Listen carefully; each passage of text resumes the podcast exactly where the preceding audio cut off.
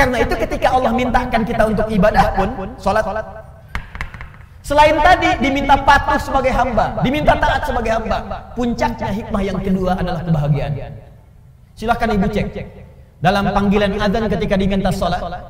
Hayya ala sholat. Ayo sholat. Apakah kalimat adzan berhenti sampai di situ? Tidak. Teruskan setelah itu apa? Hayya alal falah. Falah itu artinya apa? Falah itu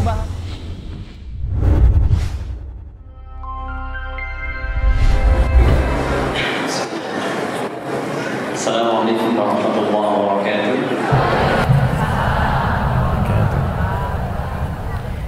الحمد لله رب العالمين والصلاة والسلام على رسول الكريم النبي الأمين سيدنا محمد وعلى آله وصحبه وأمته إلى يوم الدين أما بعد فيا عباد الله أوصي نفسي وإياكم بتقوى الله فقد فاز المتقون فلا تموتن إلا وأنتم مسلمون فقال تعالى يا أيها الذين آمنوا اتقوا الله حق تقاته ولا تموتن إلا وأنتم مسلمون Para ibu sekalian, saudariku, baik yang di dalam ruangan masjid satu, lantai dua, ataupun di sekitaran halaman masjid yang tadi sempat kami lalui, saya bermohon kepada Allah mengawali kajian ini Semoga seluruhnya mendapat kemuliaan yang sama di hadapan Allah Subhanahu wa taala. Dan semoga ta'lim kita hari ini selain mendatangkan rahmat dan barakah dari Allah juga insyaallah menggugurkan dosa-dosa yang pernah kita kerjakan dalam hidup. Ibu sekalian, teman-teman yang insyaallah senantiasa mendapatkan rahmat Allah Subhanahu wa taala, hari ini kita akan lanjutkan kajian kita terkait dengan faidah atau manfaat ilmu dan pengaruhnya terhadap akhlak. Karena ada beberapa tinjauan-tinjauan kekinian yang nampaknya agak bergeser dari keterangan Al-Quran bahkan bergeser dari misi utama kenabian Rasulullah SAW. Jadi ketika Nabi SAW saya ingatkan kembali mulai diutus oleh Allah untuk menjadi Rasul dan membimbing umat kemudian ke arah yang lebih baik. Oleh Allah kemudian diberikan batasan-batasan misinya batasan-batasan tugasnya. Bahkan tugas ini pun 30 generasi saya tidak katakan 30 tahun ya 30 generasi. Satu generasi itu bisa ribuan tahun masanya. Itu sudah ditunjukkan oleh Allah melalui doa Nabi Ibrahim dan doa Nabi Ismail alaihi wassalam nanti akan lahir seorang rasul membawa misi-misi yang utama. Itu disebutkan di Al-Quran surah kedua Al-Baqarah ayat 129 ya paling kiri sebelah atas di mushaf. Quran surah kedua Al-Baqarah ayat 129 perhatikan kalimatnya Rabbana wab'ath fihim rasulan minhum Ya Allah mohon nanti utus. Lahirkan seorang rasul yang terlahir di lingkungan sekitaran penduduk sini dekat Ka'bah jadi Nabi Ibrahim, Nabi Ismail berdoa bermohon kepada Allah agar kelak nanti lahir rasul spesial rasul istimewa. Karena rasulnya istimewa maka dia mesti lahir di tempat yang paling istimewa di bumi tidak ada tempat yang paling istimewa di bumi kecuali Ka'bah Al-Musharrafah. Karena itu saat Ka'bah pertama kali kemudian disebutkan dalam Al-Quran, itu terkait berkelindan dengan keberkahan di dalamnya. Yuk kita ambil Quran surah ketiga misal, Ali Imran ayat ke-96 sampai 97. Inna awwala baitin wudi'a lin-nasi lalladzi bi Bakkah mubarakah sungguh rumah pertama tempat pertama di muka bumi yang dibangunkan untuk manusia. Jadi saking spesialnya bukan manusia yang bangun tapi dibangunkan untuk manusia. Jadi kalau kita kan biasa bangun rumah yang bangun tukang kan? Yang bangun manusia. Tapi yang ini tidak. Dibangunkan untuk manusia bukan manusia yang bangun. Dan sekitarannya penuh dengan keberkahan. Ya, Quran surah kedua Al-Baqarah ayat ke-126. Ya, paling kanan sebelah bawah di mushaf. Wa idh qala Ibrahim rabbi ij'al hadha baladan amina warzuq ahlahu minat thamarati man amana minhum billahi wal yaumil akhir. Ketika Nabi Ibrahim berdoa, "Ya Allah, mohon jadikan negeri ini ya sekitaran Ka'bah, Makkah dan sekitarannya tempat yang paling menenteramkan di bumi." Karena itu ibu sekalian, teman-teman kalau datang ke Mekah itu punya masalah sebesar apa pun di depan Ka'bah itu bisa hilang. Tiba-tiba yang keluar air mata aja, hati tenang. Ibu nggak percaya silahkan. Ibu sedang punya persoalan, sedang punya masalah, masuk rumah nggak enak, lihat TV nggak nyaman, lihat suami gelisah. Tapi di depan Ka'bah itu bisa hilang, bisa tenang gitu. Bahkan bisa bikin status. Ternyata ini yang bisa menenangkan hatiku. Ceplik gitu ya. Orang tawaf dia foto. Ah, sebentar. Nah, ini jaminan. Jadi satu-satunya tempat di bumi satu yang bisa mendatangkan ketenangan, yang kedua saking berkahnya, itu kan tempatnya tandus, Bu. Ya, para akhwat sekalian, tempat itu tandus. Tempat itu tandus, panas luar biasa, bebatuannya sifatnya padat, jadi kalau teman-teman main ke Mekah, ya saya doakan insya Allah yang belum pernah haji atau umrah bisa berangkat lebih cepat ya. Ya. Dan tidak cukup dengan amin, nabung. Siapkan dari sekarang nabung. Amin amin kalau nggak ada persiapan nggak akan terwujud sampai kiamat kurang dua hari. Sehari lagi buat persiapan lah, taubat minimal. Baik, saya kembalikan. Itu tempat tandus, bahkan air juga sulit, bebatuannya sifatnya padat, itu ada di Quran surah ke-14 ayat 37. Ya, sifatnya biwadin ghairi dhi zar'in 'inda baitikal muharram. Kata Nabi Ibrahim, "Ya Allah, saya tinggalkan anak keturunanku ini di satu tempat di lembah yang tandus." Lembah yang tandus, air pun sulit didapatkan, tumbuhan nggak tumbuh. Cuma memang berkahnya inda baitikal muharram karena dekat dengan Ka'bah ini maka dia dapat keberkahan. Walaupun tak bisa tumbuh tanaman, batuknya tandus luar biasa, pekat dan kuat luar biasa, tapi karena berkah, hampir semua buah-buahan itu ada di sana. Pisang ada, pohon pisang nggak ada bu, tapi pisangnya ada. Pohon apel nggak ada, apelnya ada. Pohon jeruk nggak ada, jeruknya ada. Itu cuma sekitaran Ka'bah al-Musharrafah. Dikarena yang dilahirkan Rasul istimewa, maka kata Nabi Ibrahim, Nabi Ismail, Ya Allah, mohon lahirkan seorang Rasul yang istimewa, saking istimewanya, tempatnya harus di tempat yang istimewa. Di dekat Ka'bah Al-Musharrafah. Tidak ada satu Rasul pun. Dari sejak Nabi Adam alaihissalam yang terlahir di dekat Ka'bah kecuali Nabi Muhammad sallallahu alaihi wasallam. Ya, Nabi Muhammad. Saya pernah tunjukkan kepada ibu dulu, masih ingat? Kalau ini Ka'bah kurang lebih seperti ini. Misal di sini bagian sisi Hajar Aswadnya kita tarik garis lurus ke sini. Ya, sekitar 250 meter dari Hajar Aswad. Tarik lurus, sini bertemu dengan Bukit Safa. Lantai paling bawah bertemu dengan Babus Salam. Dari Babus Salam naik sedikit ke atas, di sini ada eskalator pertama, eskalator kedua, ini ada tangga, ya, tangga biasa. Naik ke atas lurus sampai di sini. Di sini ada rumah yang sekarang menjadi perpustakaan Al-Maktabah Al-Qadimah. Maktabah Makkah Al-Mukarramah. Sini ada perpustakaan, sini tempat air, ngambil air zam-zam yang menggunakan jirigen. Ah. Jirigennya dijual di sebelah sini, ada yang 10 lear, ada yang 5 real. Ngambilnya ke sini. Nabi lahir di sini. Tempat ini disebut dengan Maulid Nabi sallallahu alaihi wasallam, tempat dilahirkannya Nabi Muhammad sallallahu alaihi wasallam.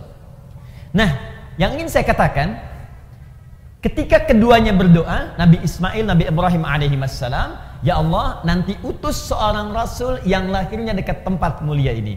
Ini persis yang dimaksud Nabi Muhammad sallallahu alaihi wasallam.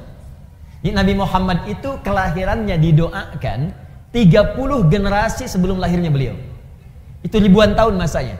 Nabi Ibrahim ke Nabi Muhammad itu sallallahu alaihi wasallam itu jaraknya 30 generasi, Bu. Ya, Muhammad bin Abdullah bin Abdul Muttalib bin Hashim bin Abdul Manaf bin Qusay bin Murrah bin Kilab bin Ka'ab bin Ghalib bin Fihir bin Malik bin Nadar bin Kinana bin Khuzaimah bin Mudrika bin Ilyas bin Nizar bin Mudar bin Ma'ad bin Adnan bin Addi bin Adri bin Muqawwam bin Nahur bin Tarikh bin Ya'rub bin Yasjub bin Nabit bin Ismail alaihissalam bin Ibrahim alaihissalam 30 Ayo diulang 30 generasi. Nah, apa yang terkait dengan pembahasan kita saat ini? Ketika kemudian berdoa, tidak sekedar berdoa Rasulnya lahir, tapi juga meminta kepada Allah membawa misi yang utama. Apa misinya? Satu, kembali ke Quran surah kedua Al-Baqarah tadi ayat 129. Perhatikan empat misinya.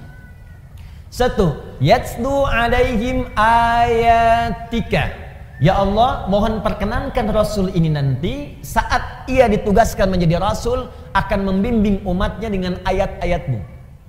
Membacakan, mengajarkan kepada umatnya ayat-ayatmu. Yatslu alaihim ayatika. Maka Allah kemudian kabulkan, diturunkanlah ayat-ayat. Mulai Quran surah ke-96 ayat yang pertama. Iqra bismi rabbikal ladzi khalaq. Sampai terkumpul dari Al-Fatihah sampai An-Nas. Karena dibacakan, didengar bacaan-bacaan yang dibacakan disebut dengan kiraah.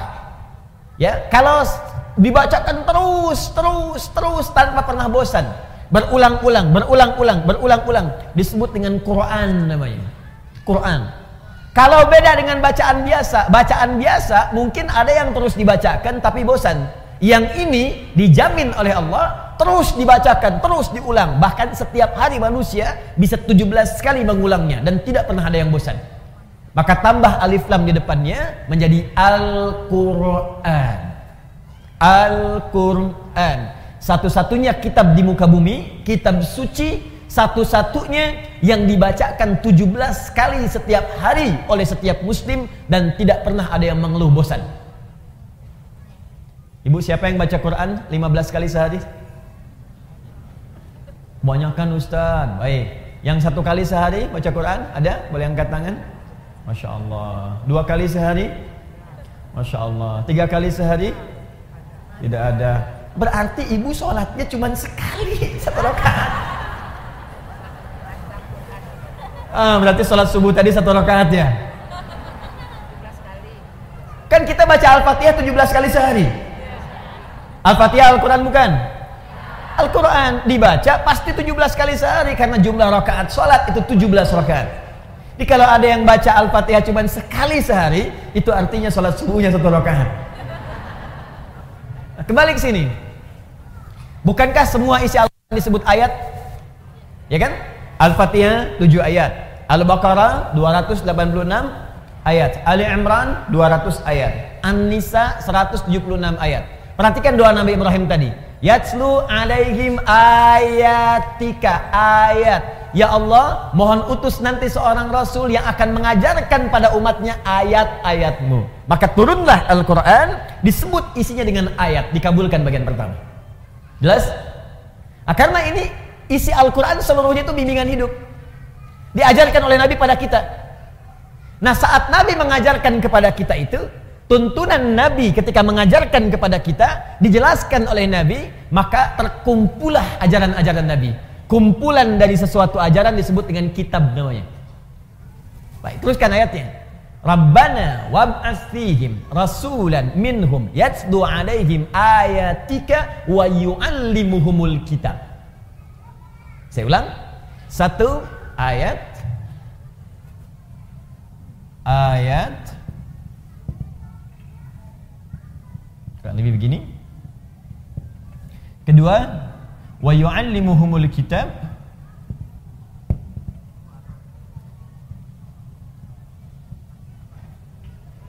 Contoh, tahan, nanti ibu akan paham ketika saya selesaikan di akhir apa yang saya maksudkan.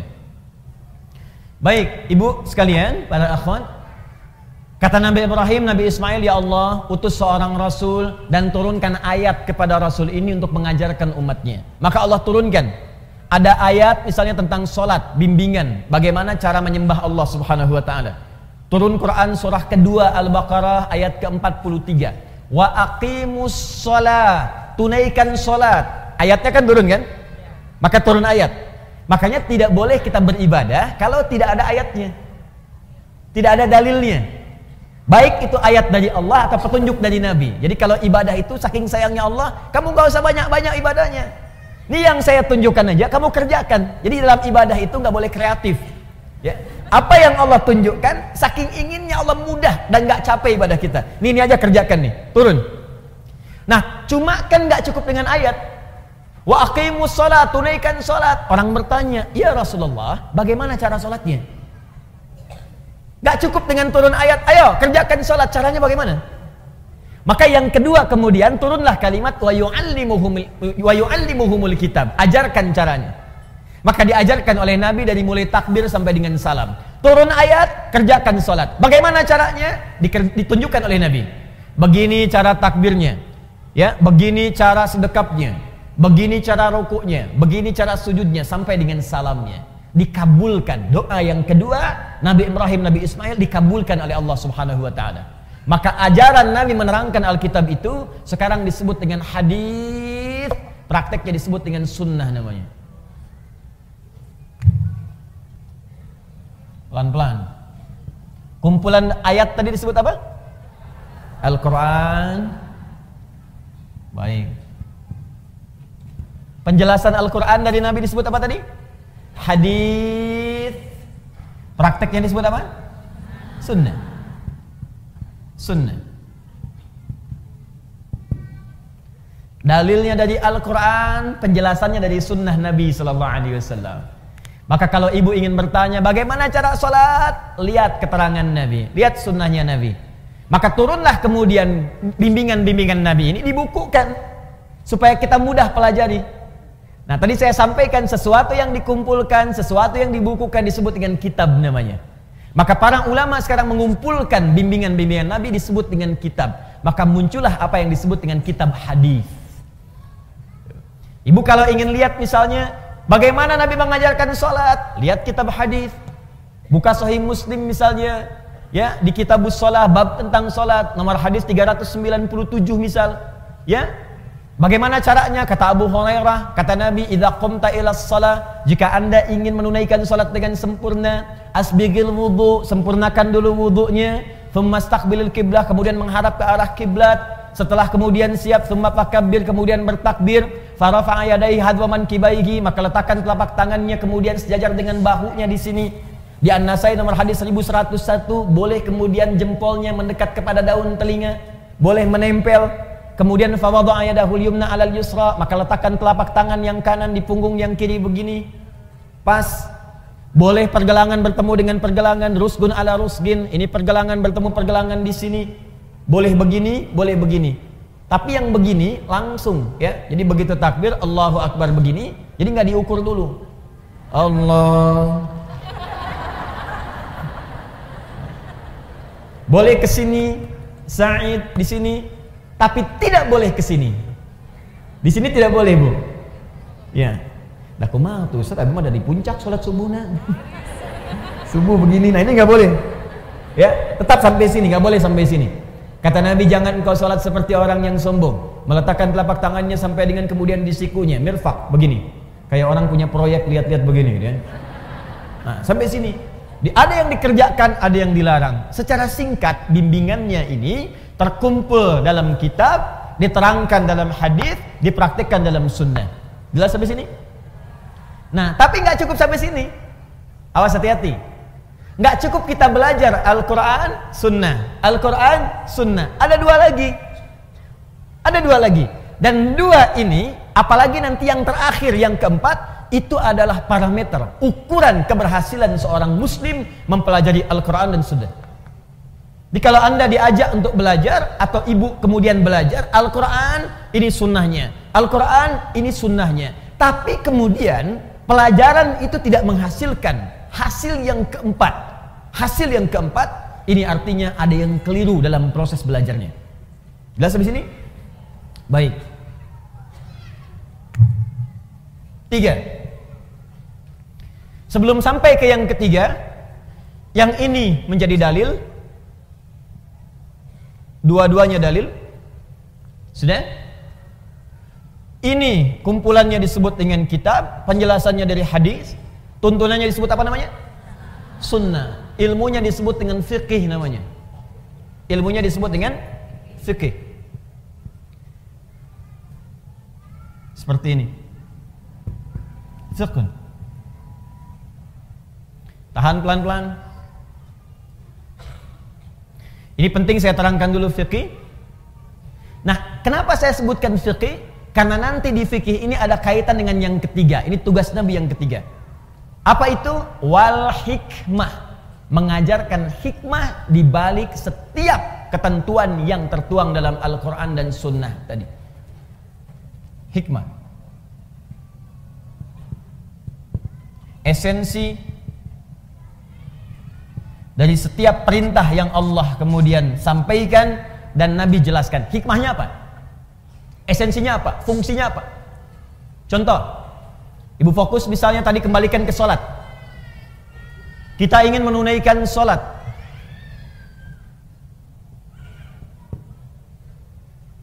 Saat kita akan kerjakan sholat, sholat ibadah bukan?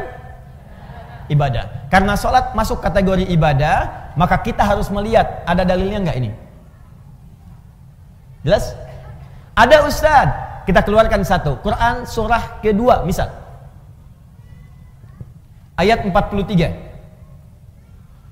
Paling kanan pertengahan. Wa aqimus dan tunaikan oleh kalian salat. Karena ada perintah tunaikan salat, maka kita siap mengerjakan salat. Kemudian yang kedua, caranya bagaimana? Fikih. Caranya, tuntunannya. Maka kita buka keterangan dari Nabi seperti apa Nabi mengajarkan kita sholat. Kita keluarkan misal buka kitab tentang hadis. Kita ambil misalnya di sini Sahih Bukhari dan Muslim, Al Bukhari dan Muslim. Misal Al Bukhari nomor hadis 711 kemudian riwayat Muslim nomor hadis 397 riwayatnya dari sahabat Abu Hurairah. Abu Hurairah ini menerima kemudian peristiwanya dari Khalad bin Rafi Az-Zuraiqi. Khalad. Ada yang menyebut Khalid, ya Khalad bin Rafi. Hadisnya sahih. Fokus. Ini perintah salatnya. Ini caranya. Kemudian yang terakhir, bagian ketiga, hikmahnya. Apa hikmah di balik perintah salat itu? Apa esensinya? Kenapa kita diminta salat? Fokus baik-baik. Kenapa kita diminta sholat? Toh tidak sholat pun tetap kita menjadi hamba Allah. Tapi kenapa kemudian kita diminta menunaikan sholat? Hikmahnya apa? Esensinya apa? Fungsinya apa? Nah ibu sekalian, dalam hal hikmah ini selalu terkait dengan bagian yang keempat. Fokus baik-baik. Tidak pernah diperintahkan seorang hamba untuk menunaikan ibadah kecuali memiliki hikmah, esensi, makna terkait dengan aspek yang keempat al-akhlaq. Akhlak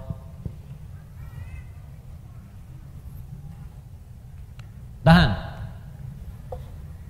Saya kembalikan ke nomor tiga dulu sebelum kita masuk ke akhlak. Satu buka Quran surah ke-20 ayat yang ke-14 ada Quran surah Taha, Taha, ya. Ma anzalna ilaikal Qur'ana litashqa. Ayat ke-14. 14. Innani anallah. Ada? Innani anallah la ilaha illa ana fa'budni. Ada? Wa aqimis salata li dzikri. Ada? Baik, sekarang perhatikan baik-baik. Ibu sekalian, yang Tuhan itu siapa? Allah. Pencipta kita siapa? Yang hamba siapa? Kita, manusia. Apa yang membedakan antara Tuhan Khalid yang menciptakan kita dengan kita hamba yang diciptakan? Mesti ada beda. Apa beda antara direktur dengan karyawan? Direktur memanage perusahaan, memberikan perintah, karyawan mengeksekusi. Apa beda tuan rumah dengan asisten rumah tangga? Tuan rumah mengatur memberikan perintah, asisten rumah tangga mengeksekusi, gitu kan?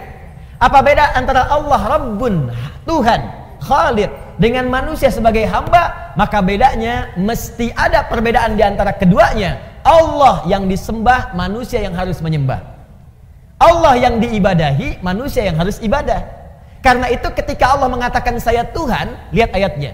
Innani anallah. Kata Allah, saya Allah. La ilaha illa ana. Tidak ada Tuhan selain saya. Yang Tuhan cuma saya, kata Allah. Yang lain bukan Tuhan. Yang Tuhan cuma saya, kata Allah, yang lain bukan Tuhan. Nah, kalau engkau yakin saya Tuhan, kata Allah, maka buktikan keyakinanmu itu. Bagaimana cara membuktikannya? Fa'budni, sembah saya. Sembah, kalau memang yakin Allah Tuhan, ya buktikan. Cara membuktikannya, kita sujud kepadanya. Kita menyembahnya. Bagaimana cara menyembahmu ya Allah? Teruskan ayatnya. Wa aqimis sholat. Tunaikan sholat. Jadi ketika kita diminta menunaikan sholat itu, Salah satu hikmahnya untuk menegaskan dan menegaskan pembuktian kita bahwa kita memang hamba, Bu. Bukan Tuhan. Makanya kalau ada orang, manusia, selama hidupnya nggak pernah sholat, maka ada yang salah dengan dirinya. Seakan-akan dia merasa sebagai Tuhan. Kalau ibu manusia, pasti ibu sholat. Kalau ibu makhluk, pasti sholat. Kalau ibu hamba, pasti sholat. Karena ciri seorang hamba dalam Al-Quran disebutkan yang pertamanya, dia mau ibadah kepada Allah subhanahu wa ta'ala. Karena itu Allah murka pada setiap hamba yang tidak mau ibadah karena ini keluar dari ciri kehambaannya. Jelas sampai sini? Nah, makanya ketika dipanggil misalnya Allahu Akbar, Allahu Akbar, adzan itu seakan-akan pertanyaan kepada kita, "Eh, kamu manusia bukan?" "Eh, kamu manusia bukan?" Cuman ada satu makhluk yang turun ke muka bumi ini. Hati-hati Bu ya. Yang selama dia turun nggak pernah mau sholat kepada Allah Subhanahu wa taala. Jadi yang turun ke muka bumi ada dua jenis makhluk, Bu. Dua jenis makhluk. Satu manusia, yang kedua setan. Saya ulang ya. Satu manusia, yang kedua setan. Itu ada di Quran surah kedua Al-Baqarah ayat 38 paling kanan sebelah atas. Qulnah biqu minha jami'a. Hei kalian semua, Adam, Hawa plus iblis, setan yang menggodanya. Turun semua ke bumi. Fa imma ya'tiyannakum minni huda. Maka kalau ada petunjuk dariku, hudan. Hudan itu artinya petunjuk. Hudan petunjuk untuk sholat, petunjuk untuk zakat, petunjuk untuk puasa, petunjuk untuk bahagia, petunjuk untuk senang. Kata Allah kalau ada petunjuk dariku, hudan namanya. Makanya ketika Allah menyebutkan kalimat hudan pertama dalam Al-Quran, dia bersanding dengan solat. Buka Quran surah kedua Al-Baqarah ayat 2 sampai 3. Dzalikal kitabu la raiba fi hudan lil muttaqin. Apa makna hudan itu? Ayat 3-nya. Alladzina yu'minuna bil ghaib wa yuqimunas salat. Salat. Di antara penjelasan hudan itu detilnya adalah salat. Kata Allah, turun semua ke bumi. Kalau ada petunjuk dariku untuk kebahagiaan kamu. Kalau ada petunjuk dariku untuk kenyamanan kamu. Kalau ada petunjuk dariku untuk kesuksesan kamu hidup di dunia. Jadi Masya Allah, ini kalau kita tahu tentang konsep ini, maka tidak ada sedetik pun dalam hidup kita kecuali ingin syukur saja pada Allah. Jadi ketika Nabi Adam dan istrinya Hawa diturunkan, dan melahirkan kita kemudian hari, itu Allah menginginkan kita hidup di dunia ini hidupnya senang bu, bahagia. Ini gak pernah ada keterangan di Quran Allah menginginkan kamu susah itu gak ada. Di semua makhluk yang tinggal di bumi yang namanya manusia itu, ketika dia terlahir kata Allah, saya ingin kamu bahagia. Saya ingin kamu senang, nanti yang abadi nanti di akhirat. Tapi kamu dapatkan dulu percikannya saat di dunia, percikan kebahagiaan. Ayo, kalau berumah tangga bahagia, kalau bekerja bahagia, jadi anak bahagia, jadi istri bahagia, jadi ibu bahagia. Itu begitu pertama lahir misinya misi kebahagiaan. Jadi kalau ada manusia yang tidak bahagia, yang salah bukan Allah, yang salah manusianya sendiri. Kenapa? Karena tidak mengikuti petunjuk kebahagiaan yang telah Allah tetapkan. Kan ke, begitu Adam diturunkan kata Allah, ini saya berikan petunjuk. Petunjuknya petunjuk bahagia. Kalau kamu ikuti petunjuk ini, hidupmu selama di dunia, jadi apa pun engkau, engkau akan bahagia. Jadi dokter, dokter yang bahagia. Jadi ibu rumah tangga, ibu rumah tangga yang bahagia.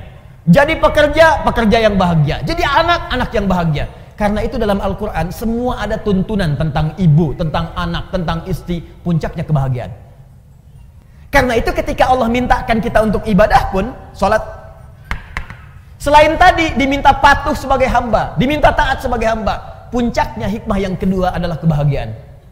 Silahkan ibu cek. Dalam panggilan azan ketika diminta sholat. Hayya ala sholat. Ayat sholat. Apakah kalimat azan berhenti sampai di situ? Tidak. Teruskan setelah itu apa? Hayya alal falah. Falah itu artinya apa? Falah itu bahagia. Falah itu sukses. Falah itu beruntung. Jadi begitu kita dipanggil sholat, Allahu Akbar, Allahu Akbar, kata Allah yang merasa hamba, ayo sholat. Kalau nggak merasa hamba, ya nggak sholat. Berarti kalau ada yang tidak sholat, dia merasa dirinya bukan hamba. Cuman satu di antara dua makhluk, yang satu sholat, yang satu tidak. Yang sholat itu manusia Adam dan Hawa, yang tidak sholat adalah setan. Makanya setan itu ketika dia mendengar suara adzan, Allahu Akbar, Allahu Akbar, Abu Daud nomor hadis 857. Fafarra syaitanu wa alaihi dhuratun. Maka setan ketika mendengar suara adzan langsung lari terbirit-birit saking tidak ingin mendengar suara adzan. Jadi kalau ada yang alergi dengan adzan, suara apa ini? Berisik sekali. Laguku lebih indah daripada adzanmu, misal. Nah, ini sama dengan bukan, bukan saya yang bilang, awas hati-hati. Awas, nggak boleh saya jadi tersangka. Awas hati-hati. Bukan saya yang bilang. Ini sama dengan dia sedang dipengaruhi oleh setan. Karena hakikatnya manusia. Mesti beda. Jadi kalau ibu ingin beda, kan ibu itu manusia apa setan? Gampang. Satu, manusia itu pasti sholat. Ini gampang aja. Kalau ibu sedang sholat, misalnya Allahu Akbar, ada yang tidak sholat. Setan. Bukan, bukan. Ini artinya dia tidak sedang sadar, dia sedang tidak sadar dengan kehambaannya. Jelas sampai sini? Maka jangan ikut ikutan setan, Bu. Jangan bersaing dengan setan. Setan itu profesional dalam urusan maksiat. Dan sangat sempurna, perfect dalam urusan meninggalkan ibadah. Jadi kalau ibu sudah nggak mau ibadah, ibu sudah telat ketinggalan, udah ada setan yang duluan. Dan jangan bersaing, ibu nggak akan menang. Gak akan menang. Karena itu lebih baik kita menjadi manusia yang seutuhnya. Jelas? Hayya alal falah. Hikmah yang kedua, setiap ibadah melahirkan kebahagiaan. Makanya semua orang-orang yang ibadah itu, itu pangkal pertama kebahagiaan itu ketenangan, Bu. Ketenangan. Mustahil orang bisa bahagia kalau tidak tenang. Ibu pilih mana ya? Kaya tapi gelisah atau miskin tapi tenang. Tidak ada pilihan ketiga, nggak usah maksa. Kaya tapi gelisah atau miskin tapi tenang. Ayo. Angger Kaya tapi tenang. Kaya tapi tenang. Ya itulah ibu-ibu. Selalu ada pilihan yang ketiga. Mau ke majelis taklim, ikut pengajian, datang pada suami. Wah, bawa proposal tentang warna baju, kan? Satu merah, yang kedua biru. Masya Allah. Ayah, ayah, mana yang paling bagus ya? Merah atau biru? Kayaknya biru deh, mah. Eh, kayaknya merah deh, ayah nanya tapi udah punya pilihan. Ya. Masih mending kalau dipakai, begitu keluar kuning. Selalu ada pilihan yang ketiga. Gak apa-apa. Gak apa-apa. Nah, kebahagiaan itu pangkalnya itu, pangkalnya ketenangan. Jadi mustahil ada orang bahagia kalau nggak tenang, itu mustahil. Karena itu hikmah ibadah, itu setiap kita menunaikan ibadah pasti ada ketenangan. Ibu kalau nggak percaya silakan. Ibu kalau sedang baca Quran tenang nggak? Tenang. Baca Quran ibadah bukan? Ibu kalau sedang berdoa tenang nggak? Tenang. Jadi berdoa itu walaupun solusi belum datang, tapi ketenangan tiba. Ya Allah, berikan kecerdasan pada anakku. Ya Allah, luluskan ia dalam ujiannya esok. Ujiannya baru besok, tapi ketenangannya sudah ada. Ya Allah, lancarkan pekerjaan suamiku ya Allah. Ya Allah, tenangkan keadaan jiwa-jiwa kami. Jadi pekerjaan baru besok dikerjakan, tapi ketenangannya sudah tiba. Semua ibadah pangkal pertamanya melahirkan ketenangan. Makanya ada rumus dalam dalam perkataan para ulama, ibu, kalau sedang tidak tenang, sedang gelisah dalam urusan dunia, ibu berdoa. Atau ibadah. Pilih jenisnya yang mudah kita kerjakan. Misal di rumah tangga ada persoalan, alih-alih ibu bikin status yang tidak jelas. Sekarang banyak peluang dilakukan di media sosial. Ya lebih baik ibu kerjakan ibadah, ambil wudhu, menghadap ke kiblat, buka mushaf, baca Walaupun solusi belum datang, tapi ketenangan itu akan tiba. Ustadz kalau nulis statusnya sambil baca pusat gimana? Sama aja salah tuh. Kamu tidak seperti yang aku kira. Nungguin komen gitu kan sampai maghrib. Baca Quran, doa, sholat. Ya, lakukan pekerjaan itu ketenangan akan tiba. Nah itu yang dimaksud dengan hikmah, esensinya. Nah, tapi ada puncak hikmah. Ini tujuan yang paling tinggi di balik semua perintah ibadah. Dan ini misi yang paling puncak dari setiap misi kerasulan Nabi Muhammad sallallahu alaihi wasallam. Fokus baik-baik. Bahkan saking pentingnya misi ini, Nabi sendiri yang menegaskan dengan lisannya. Kalau ada hidayat yang menyampaikan, Anda boleh ragukan atau tinggalkan. Tapi kalau Nabi yang sampaikan, beliau sadiqul amin Orang yang tidak pernah keliru dan terpercaya dalam hidupnya. Ya, tidak pernah berbuat salah dalam pengertian keliru, apalagi dusta. Maaf dan beliau senantiasa dipercaya bahkan oleh lawan-lawannya. Sadiqul amin. Apa perkataan Nabi? Buka dalam kitab Syu'abul Iman diriwayatkan oleh Al-Imam Al-Baihaqi dikenal dengan Sunan Al-Baihaqi kitabnya Syu'abul Iman Nomor hadis 2009 sampai 2010. Fokus. Innama bu'ithu liutammima solihal akhlaq. Sungguh misi utamaku. Kus, misi utamaku ketika aku diutus ke muka bumi ini adalah untuk menyempurnakan kemuliaan akhlak untuk menyempurnakan kemuliaan akhlak. Jadi misi utama Nabi, kenapa diturunkan Al-Quran kepada Nabi? Untuk membimbing umatnya supaya berakhlak mulia. Kenapa Nabi menjelaskan lewat hadis supaya umatnya berakhlak mulia? Kenapa ada hikmah di balik ibadah? Supaya dengan hikmah itu dibimbing kepada akhlak yang mulia. Puncaknya ini. Jika ada orang jujur di bumi, umat Islam mesti lebih jujur. Kalau ada orang tawadu di bumi, umat Islam mesti yang paling tawadu. Kalau ada orang sabar di bumi, umat Islam mesti yang paling sabar, kesempurnaan akhlak. Karena itu, perhatikan baik-baik. Bagian keempat ini, lihat puncaknya. Kembalikan ke Al-Baqarah 129. Rabbana wab'ath fihim rasulan minhum yatslu alaihim ayatika, ayat sudah. Wa yu'allimuhumul kitab, kitab sudah. Wal hikmah, hikmah sudah. Yang keempat, wa yuzakkihim dan menjadikan hati mereka bersih suci kebersihan hati, kebersihan jiwa itu yang disebut dengan puncak akhlak. Dalilnya, penegasannya di kitab Syu'abul Iman nomor hadis 2009 sampai 2010. Wa yuzakkihim bersih jiwanya. Kalau jiwanya bersih, maka semua anggota tubuhnya pasti akan berbuat kebaikan. Perbuatan baik yang dikerjakan seluruh anggota tubuh itu, itu yang disebut dengan akhlak namanya. Jelas sampai sini? Ah, sekarang yuk kita buktikan. Saya agak pelan-pelan supaya kita mengerti Fokus. Contoh sholat. Kembali. Ibadah bukan? Karena itu mesti ada apa? Dalil.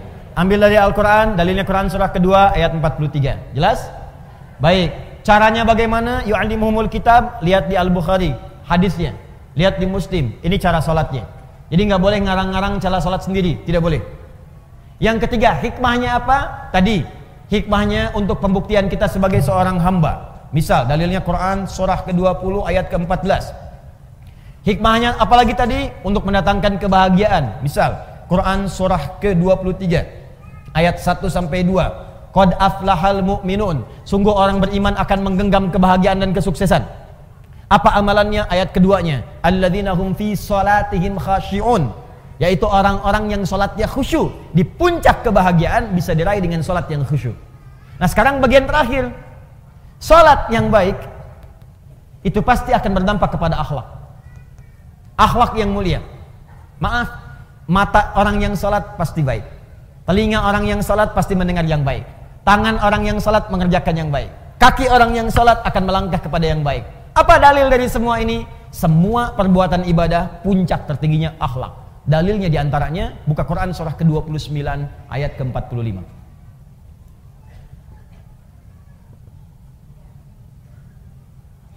Al-Ankabut ayat 45. Ibu hafal insya Allah pertengahannya, cuman awalnya aja barangkali yang sering dilupakan. Buktinya gampang. Inna salata tanha. Oh. Itu pertengahannya. Awalnya utlu ma uhya ilaika minal kitab. Tuh, lihat utslu tilawah Bu. Coba Ibu bandingkan dengan Al-Baqarah 129. Rabbana wab'ats fihim rasulan minhum. Yatslu alaihim ayatika. Yatslu. Yatslu itu baca pelajari. Perintahnya utslu. Sebelum anda sholat baca dulu pelajari dulu. Lihat keterangan yang bersumber dari Nabi. Utslu watslu utslu. Lihat ayatnya lihat keterangannya. Ada kan? Terus utslu ma ilaika minal kitab. Kitab ada lagi disebutkan Ya, Rabbana wab'ats fihim rasulan minhum yatslu utslu yatslu alaihim ayatika wa yu'allimuhumul kitab. Kitab disebutkan lagi. Utslu ma uhya ilaika minal kitab. Kata Al-Qur'an, ibu sebelum sholat jangan tergesa-gesa untuk sholat. Keluarkan dulu semua tuntunan dari Nabi bagaimana cara sholat yang baik. Pahami bacaannya. Utslu itu punya tiga arti dari kata tilawah. Utslu dari kata tilawah punya tiga arti. Satu, baca. Dua, pahami yang dibaca. Ketiga, amalkan yang dipahami itu. Tilawah namanya. Makanya kalau ada orang baca Quran, supaya kita paham, di sampingnya kan ada yang menerjemahkan kan? Siapa yang menerjemahkan itu? Sari tilawah. Sebetulnya orang Arab itu tidak mengenal sari, kenalnya tilawah. Tilawah. Cuman mungkin di Indonesia yang pertama kali tilawah itu busari. Makanya disebut sari tilawah. Ya, coba kalau Adi, mungkin Adi tilawah gitu ya, atau Daan Daan tilawah gitu, bisa. Ya, jadi nggak sari tilawah itu sebetulnya tambahan sarinya. Ya, sari tilawah, sarinya itu tambahan. Yang betulnya tilawahnya. Cuman karena mungkin pertama kali yang tilawah busari, makanya sari tilawah. Tapi poinnya, kenapa ada sari tilawah? Supaya bisa memahamkan kepada kita apa yang dimaksud bacaan tadi. Nah persis sama dalam sholat. Kata Allah sebelum sholat, baca dulu bacaan sholat. Pahami dulu. Memahami sesuatu disebut fikih namanya. Ini. Bisa tulis. Fikih. Makanya kalau ibu belajar tentang hukum ibadah, itu pasti semua fikih. Nggak ada tulisan ilmu, fikih. Coba ibu cari ya, buku tentang sholat, pasti judulnya fikih sholat.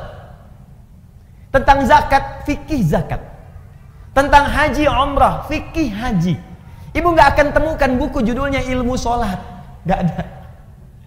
Ilmu haji nggak ada, yang ada fikih. Apa maksud kalimat fikih ini? Paham. Maksudnya kata Allah, hei engkau, kalau engkau ingin khusyuk dalam sholatmu, ingin nikmat sholatmu, maka pahami bacaan dan gerakan sholat itu. Jangan sampai engkau sholat tapi tidak mengerti yang dibaca. Coba jujur pada diri kita masing-masing ya. Jujur saja. Dari sekian ribuan kali sholat yang kita tunaikan, ruku dan sujud, berapa persen bacaan sholat yang dipahami? Tuh. Katanya ibu pengen khusyuk tapi nggak ngerti yang dilakukan bagaimana bisa khusyuk. Ruku tapi nggak paham bacaan ruku. Sujud nggak ngerti bacaan sujud. Mustahil kita bisa mendapatkan kekhusyuan itu. Nah ini bagian pertama. Utslu ma'uhya ilaika minal kitab. Ini. Kitab ini. Kemudian wa aqimis sholat. Setelah paham tadi bacaan gerakannya. Tunaikan sholat. Ini. Sekarang perhatikan. Apa hikmah tertinggi dari sholat itu? Teruskan ayatnya. Inna salata tanha anil fahsya Itulah akhlak Kata Allah Kalau solat seseorang benar Maka ukurannya adalah dia akan terbebas dari perbuatan keji dan mungkar. Di solat yang ditunaikan dengan benar. Solat yang ditunaikan dengan benar. Ada alif lamnya bu. Ingat ya, ada alif lamnya. Kalau tidak ada alif lamnya, sholat itu artinya umum sholatnya bebas. Ibu mau cepat-cepat, mau lambat silahkan, mau khusyuk, mau tidak bebas. Tapi kalau ada alif lamnya, alif lamnya disebut alif lam ma'rifah, khusus sesuai ketentuan. Dan semua bacaan sholat dalam Al-Quran, semua, semua bacaan sholat, kalimat sholat dalam Al-Quran yang bermakna ibadah, dari mulai takbir sampai dengan salam seluruhnya menggunakan alif lam. Kalimat salat pertama Al-Baqarah ayat 3. alladzina yu'minuna bil ghaib wa yuqimunas shalah. Al-Baqarah 43 wa aqimus shalah. 45 wasta'inu bis sabri was salah 153 ya ayyuhalladzina amanu sta'inu bis sabri was salah 238 hafizu 'alas salawat Quran surah ke-11 misalnya ayat 114 aqimis salata tarafail lail Quran surah ke-17 ayat ke misalnya 78 aqimis salata liduluki syamsi selalu pakai alif lam itu artinya kalau kita sholat mesti benar Nah kalau sholatnya benar, apa dampaknya dari situ? Akhlak. Tanha anil fahsyai wal munkar. Maaf, semua orang baik itu sumber kebaikannya terbebas dari dua ini. Eh, mohon izin bu ya, kalau ibu anaknya, cucunya, atau kita sendiri ingin baik, rumusnya gampang. Bebaskan dari dua sumber ini. Tidak ada yang ketiga.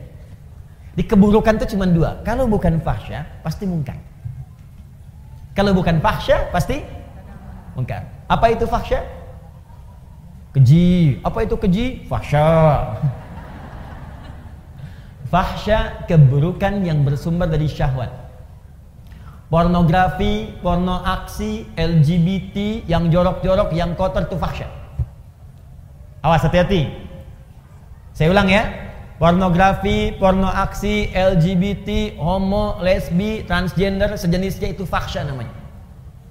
Jadi mustahil ada orang sholat berbuat fahsya, mustahil. Makanya ketika seseorang sholatnya benar, itu pasti akan memberikan perisai pada dirinya dari perbuatan fahsya. Nih bu ya, gak usah jauh-jauh. Kalau sholat kita benar, ibu lihat gambar di handphone, buka misalnya, ya, Begitu ingin lihat berita, tiba-tiba ada gambar yang tidak elok. Itu kalau sholat kita benar, dalam hati kita ada yang disebut dengan burhan namanya. Apa namanya? Burhan. Itu ada Yusuf, Ustadz Yusuf Burhan. Burhan. Laula an ra'a burhan rabbi. Burhan. Burhan itu petunjuk Allah. Silang ya. Burhan itu petunjuk Allah yang muncul dalam hati yang menjauhkan kita dari maksiat. Petunjuk Allah yang muncul dalam hati yang menjauhkan kita dari maksiat. Nabi Yusuf pernah diajak berduaan oleh seorang perempuan, istri seorang pembesar untuk melakukan hubungan yang tidak dibenarkan. Ya. Ini dalil tidak dibenarkannya. Awas perbuatan zina di luar nikah. Hati-hati di surat Yusuf. Ya, Walakad hammat bihi ya wa hamma bi laula an ra'a burhana rabbi. Perempuan itu mengajak Yusuf untuk berduaan. Perempuan itu telah memiliki suami. Yusuf belum menikah sama sekali, diajak berduaan. Ini dalil jelas dalam Al-Qur'an tidak diperbolehkannya hubungan seksual di luar pernikahan. Jadi nggak usah bikin disertasi capek. Ya. Udah satu ayat baca selesai. Ini artinya orangnya jarang baca Quran. Balik ke sini. Ketika kemudian ditampakkan oleh Allah laula arra'a burhana rabbi. Kalau dia tidak merasakan melihat burhan, petunjuk di hatinya dari Allah. Ini salah, jangan lakukan. Kalau nabi itu pasti dijaga maksum. Nabi nggak mungkin berbuat maksiat, dijaga. Kalau kita karena bukan nabi, dorongan nafsu itu ada, tapi oleh Allah diberikan pancaran di hatinya supaya mencegah dia berbuat maksiat. Makanya ibu sering dengar suara hati ketika berbuat salah.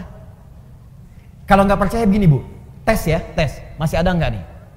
Nanti keluar dari sini, ibu coba pakai sendal orang lain. Ngetes, awas, bukan dia lakukan, ngetes. Pakai aja. Eh, punya saya, kata Ustadz Adi. Ini cuma cek. Cek ya. Lihat sini, ibu pakai. Begitu ibu pakai itu, nanti akan ada suara hati dalam dalam benak kita. Itu bukan punya kamu. Pasti itu. Ada snack aja, snack dikasih itu. Di samping misalnya, ibu mau ambil aquanya. Ketika itu bukan untuk ibu, hati ibu akan mengatakan itu bukan punya kamu. Iya. Selalu begitu. Itu burhan namanya. Nah makanya orang-orang yang sholatnya bagus, itu pasti sinyal burhannya kuat bu. Gak percaya silahkan. Semakin banyak sholatnya, semakin tinggi kualitasnya, bahkan jangankan yang fardu, sholat sunnah dia buru tahajud dia kerjakan, sholat duha dia lakukan, rawatib tidak pernah tinggal, sholat mutlak dia lakukan, semua jadi sholat dia koleksi. Kalau sudah dikerjakan semua ini, demi Allah saya katakan, mustahil dia akan berbuat fahsyat, mustahil. Sebaliknya, kalau ada orang masih berbuat fahsya, senang berkata kotor, apalagi berbuat seperti yang tadi, pelaku di pornografi, ada porno aksi, aktif di LGBT, tapi masih kelihatan sholat, itu pasti ada yang salah dalam sholatnya. Ada yang keliru. Karena mustahil sholat itu bersanding dengan perbuatan maksiat itu mustahil. Jari orang tahiyat tidak akan berbuat maksiat. Makanya misalnya yang yang menyimpang tadi, ada yang saudara kita sakit misalnya ya, yang homo, yang lesbi kita doakan supaya sembuh, kita ajak untuk kembali. Kita doakan, berikan pendidikan supaya balik lagi. Nah pelajaran supaya dia balik dalam aspek syariat itu dalam hal tertentu dia nggak boleh kemudian menjadi pelaku. Contoh imam, homo nggak boleh jadi imam di kalangan orang normal itu nggak boleh. Kenapa? Karena di antara syarat tidak terpenuhi perilakunya tidak mencerminkan kemudian hasil dari perbuatan sholatnya. Dan ketika dia sholat otomatis bisa mengganggu jamaah di belakangnya. Allah. Bubar bubar sholatnya. Jelas ya? Baik, jadi mustahil bu, mustahil ada orang sholat berbuat fahsya itu mustahil. Awas, awas, awas, awas, awas. Saya maksud bukan ibu. Kalau pulang ke rumah ada anak, senang lihat tayangan yang tidak bagus, main-main di lingkungan yang tidak baik, maka coba lihat sholatnya. Yakin saya. Kalau nggak dia bolong-bolong, pasti nggak maksimal sholatnya. Dua mungkar, Mungkar perbuatan maksiat yang bersumber dari nafsu perut dan akal. Jadi kebutuhannya kebutuhan perut dan direncanakan oleh akal. Misal mencuri, korupsi, mencela, berselisih, berdusta. Awas itu mungkar. Mencela itu perbuatan mungkar, makanya ada larangan mencela. Quran surah ke-49 ayat yang ke-11, ya ayyuhalladzina amanu la yashar qaumin qaum, jangan saling mencela. Gibah itu double, perbuatan mungkar dan fahsya. Gibah, Bu. Ya, bahasa kerennya gosip. Ya, makanya maksiat itu jangan dibikin keren, Bu. Jangan merubah kalimat maksiat menjadi kalimat yang halus sehingga dengan halusnya kalimat itu seakan-akan perbuatan itu boleh. Jangan. Ibu katakan aja begitu. Sekarang kan misalnya Bu ya, maaf ya, mencuri sekarang kan dimodifikasi kalimatnya. Korupsi. Udah aja sebut maling. Itu jelas selesai. Kenapa yang ayam disebut maling, yang besar-besar disebut koruptor? Kan jadi kayak keren. Makanya ketika dibawa kemudian oleh petugas, uh gayanya kayak mau pergi ke hotel bawa koper, bawa apa, rombongan gitu kan. Udah ada sebut maling, udah selesai. Ya. Orang-orang yang menjual diri, laki-lakinya, perempuannya sebut pezina. Ah ini diperbagus karena diperbagus seakan-akan jadi boleh. Kupu-kupu malam. Jadi kalimatnya dibikin bagus karena dibikin bagus itu seakan-akan menjadi boleh. Udah maksiat pun langsung aja dibikin dengan kalimat yang jelas seketika. Kata Allah la taqrabu zina, zina. Asariku wasariqatu maling, pencuri sebut dengan itu. Sehingga ketika kalimatnya itu keras disebutkan, dia akan jauhi. Bapak kamu maling ya? Bukan, koruptor. Karena dibikin bagus. Ya. Ibu kamu kok keluaran malam-malam? Dia kupu-kupu.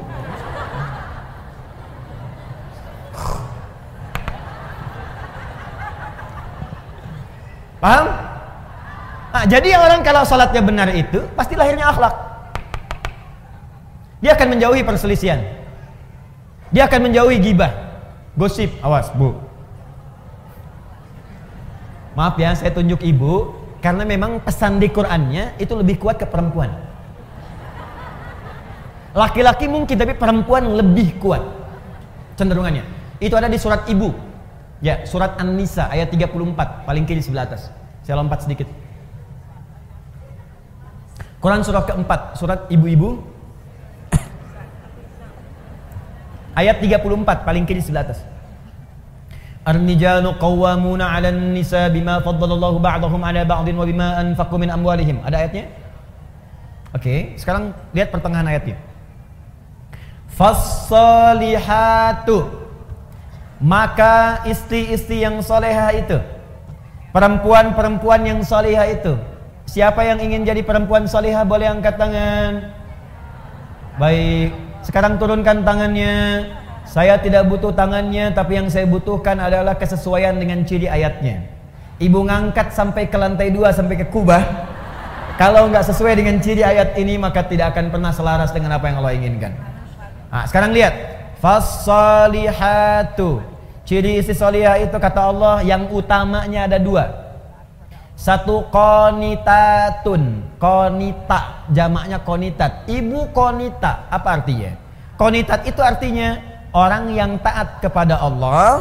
Kalau dalam konteks istri, konteks istri, orang yang taat kepada Allah dengan cara menaati suaminya pada yang baik-baik menurut Allah. Itu cara memahaminya.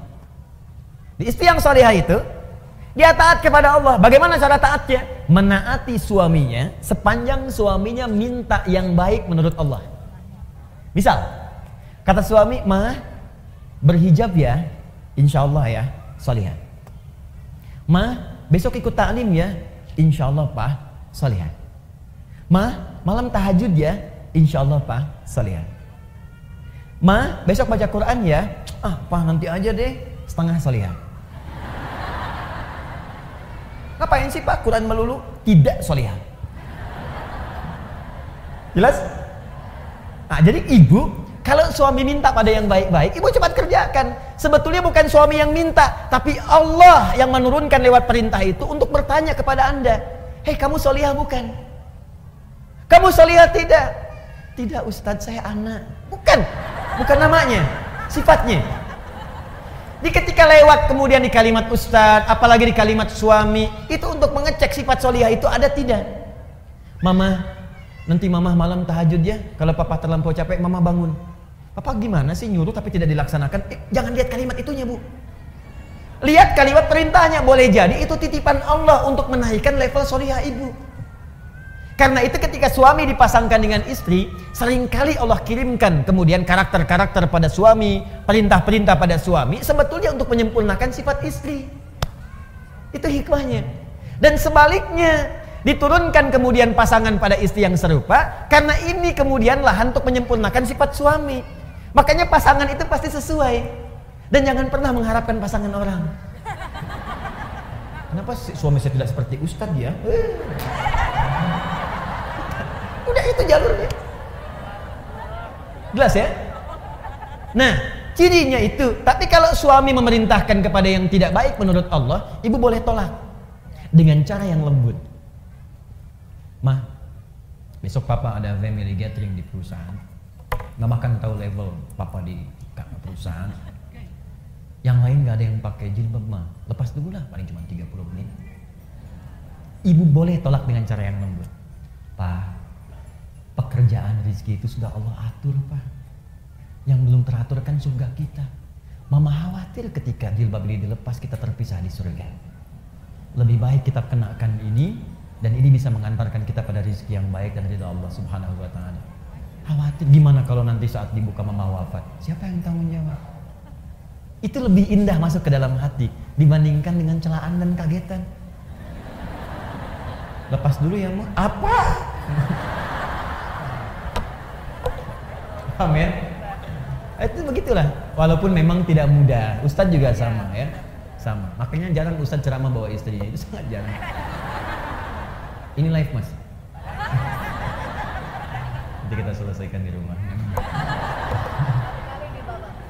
Dua. Nah ini kaitan dengan yang tadi. Hafizatun lil ghaibi bima hafizallah. Jadi istri salihah itu adalah menjaga nama baik keluarga, suami, khususnya ketika tidak sedang bersamanya. Perhatikan baik-baik. Yang telah Allah tutupi. Jadi kalau ada aib di rumah tangga, kata Allah jangan buka keluar. Ini jaminan Allah bu ya. Sepanjang ibu tidak buka keluar, maka Allah akan tutup sampai dengan hari kiamat. Makanya kata Nabi kalau ada peristiwa terjadi malam hari nggak enak, siangnya jangan dibuka, tutup. Kalau ada peristiwa siang, jangan dibuka malamnya. Nah ini yang terjadi sering kali, siang masih dibuka. Dan sekarang wasilahnya banyak, media sosial. Dia gak keluar rumah tapi bisa bikin status di dalam rumah. Nah, yang paling tidak elok itu kadang-kadang ini menjadi bahan untuk berbuat maksiat. Padahal dia sholat. Tapi masih dikerjakan. Yang digosipkan bukan urusan luar, yang dibawa keluar justru masalah di dalam rumah. Judulnya memang pengajian datang. Ustadz belum tiba ketemu kawan, saling bersalaman. Eh, apa kabar? Iya, sayang. Ke mana aja? Ya, Alhamdulillah sehat. Gimana kabarnya baik? Keluarga gimana? Sehat. Suami gimana? Di situ masalahnya.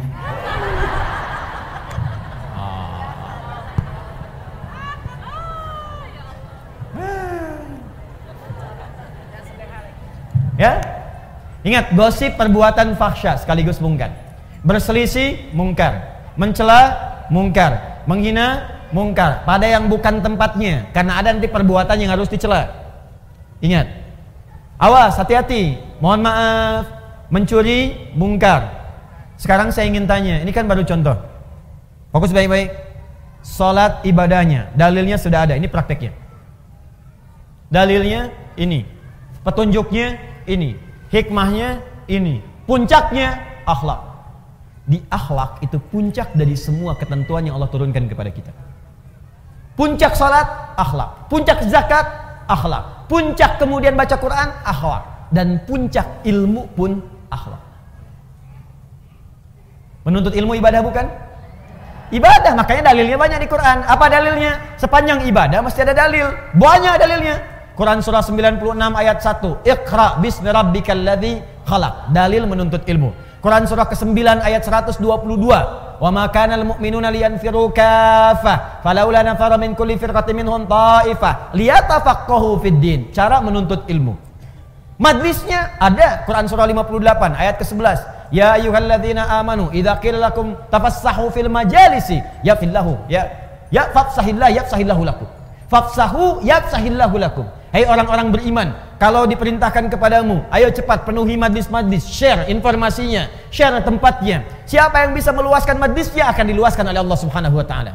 Dari mana itu Ustaz tahu ayat ilmu? Teruskan ayatnya. Yarfa'illahu alladhina amanu minkum walladhina utul ilma darajat. Ayatnya ada. Hadisnya utlubul ilma. Ya, talabul ilmi faridatun ala kulli muslim. Menuntut ilmu itu kewajiban dari setiap muslim. Ibnu Majah nomor hadis 233 Man salaka tariqan yaltamisu fihi ilma sahalallahu lahu tariqan ilal jannah. Siapa yang berusaha datang ke majlis ilmu dengan segenap kemampuan dirinya maka Allah akan catat untuk meringankan langkahnya ke surga. Al-Bukhari Kitabul Ilmi nomor hadis 71 ya perhatikan baik-baik. Man yuridillahu fihi khaira yufaqihu fid din. Siapa yang Allah inginkan menjadi orang yang lebih baik maka dia akan didorong untuk belajar ilmu agama. Al-Qur'annya ada hadisnya ada hikmahnya banyak Ilmu membuat orang lebih pintar. Ilmu membuat turun ayatnya. La yastawil ladina la yastawil ladina eh, ya'lamuna wal ladina la ya'lamun. Tidak sama orang berilmu dengan yang tidak berilmu. Orang berilmu pernah derajat di sisi Allah. Bertauhid harus pakai ilmu. Quran surah 47 ayat ke-19. Fa'lam mesti punya ilmu annahu la ilaha illallah untuk menetapkan tiada tuhan selain Allah. Ilmu, ilmu, ilmu, ilmu. Hikmahnya ada. Dalil ada. Hadis ada. Hikmah ada. Puncak terakhirnya akhlak. Jadi kalau ibu belajar ilmu, datang ke pengajian, belajar. Apa yang dipelajari? Al-Quran. Apa yang dipelajari? Sunnah. Tapi ketika anda keluar dari tempat pengajian itu, anda belajar Quran dan Sunnah. Tapi ketika keluar tidak membawa akhlak, berarti ada yang salah dengan pelajarannya. Ibu tuh keluar dari pengajian Al-Quran dan Sunnah, tapi ketika keluar kok pandai mencela. Hah? Apa yang ibu pelajari? Anda belajar Al-Quran dan Sunnah. Begitu keluar dari pengajian, pandai berselisih. Apa yang Anda pelajari? Semua sahabat yang belajar dengan Nabi, ketika akan praktek yang dibawa akhlak dulu. Silakan perhatikan baik-baik. Nabi sedang ke masjid, orang-orang mau sholat, tiba-tiba datang seorang Arab Baduy. Dia tidak tahu di mana toiletnya. Zaman Nabi nggak seperti masjid TSM seperti ini. Masjidnya bagus, ada karpetnya. Ini tanah, Sulit mencari toilet. Tiba-tiba Arab Baduy karena nggak tahu lari ke pojok masjid, ke pojok masjid buang air kecil di situ. Tiba-tiba Umar, wah, Umar dengan pembawaan karakternya yang tegas, langsung ingin mengeksekusi. Woi, salah. Langsung pengen keluar. Kelihatan oleh Nabi, diajari akhlak oleh Nabi. Umar, biarkan aja. Tapi Nabi ini kan, eh, dia belum tahu. Yang belum tahu diberitahu, bukan dimarahi. Biarkan dia selesai dengan hajatnya, siram dengan air bersihkan. Setelah itu beritahu, tempatnya bukan di sini. Tuh. Indah sekali ibu sekalian. Di banyak kejadian-kejadian yang Nabi contohkan lewat akhlak. Setelah itu Umar belajar, belajar, belajar. Setelah itu makin bijak, Masya Allah. Bijaknya luar biasa. Dalam setiap keputusannya. Umar setelah menjadi khalifah, jadi pemimpin, jadi presiden kalau sekarang, itu malam-malam selalu belusukan. Di Umar, inisiator belusukan di muka bumi belajar dari Nabi dan tidak pernah bawa kamera. Orang sekarang beda-beda dia, tapi Umar lain. Jalan. Begitu malam-malam jalan lihat rakyatnya ada seorang ibu. Memiliki beberapa anak. Ditidurkan oleh ibunya. Ditidurkan itu bukan karena pengen tidur, karena lapar menangis terus tidak ada makanan. Dan saat menidurkan ini pura-pura ibu masak. Yang dimasak apa? Pasir isinya batu digoreng-goreng. Sambil masak batu itu dia bersyair. Duhai khalifah, senang-senang tinggal di istana, rakyatmu melarat makan seadanya. Duhai khalifah, engkau makan enak, kami menggoreng-goreng batu tanpa ada makanan. Anakku kelaparan, tidak ada yang makan yang bisa diberikan. Umar lewat. Seketika, ketika mendengar dan melihat apa yang disaksikan itu, perhatikan kalimatnya. Ada celaan kepada Umar. Ada kemudian tuntutan kepada Umar. Umar tidak marah merespon itu, langsung lari ke Baitul Mal. Diambil kemudian gandum, dipikul dengan punggungnya Ajudannya mengejar ingin bawakan kata Umar saya yang akan dihisab bukan engkau di hari kiamat. Dibawakan oleh Umar, datang ke tempat ibu itu, kemudian disingkirkan semua batu dan pasir tadi dimasakkan oleh Umar langsung dengan tangannya dan tidak pernah mengatakan saya khalifahnya, tidak. Jadi begitu dimasakin si ibunya pun nggak tahu dan Umar nggak perkenalkan dia Umar. Dimasak oleh Umar, ibunya yang paling menarik bu, sambil dimasakin sambil dicela oleh ibu itu. Dua khalifah, enak-enak engkau tinggal di istana, orang lain yang datang memasakkan kepadaku. Dua khalifah, engkau enak makan enak, orang lain datang kepadaku bukan engkau. Padahal itu Umar. Apa Umar berkata kemudian ini saya bu? Ya abdi Umar tidak. Umar masak aja. Setelah itu disuapi oleh Umar, dibantu ibu itu dan pulang. Perhatikan pengajaran Nabi, sungguh indah. Makanya orang-orang yang belajarnya benar, itu puncak tertingginya itu pasti akhlak. Pasti akhlak.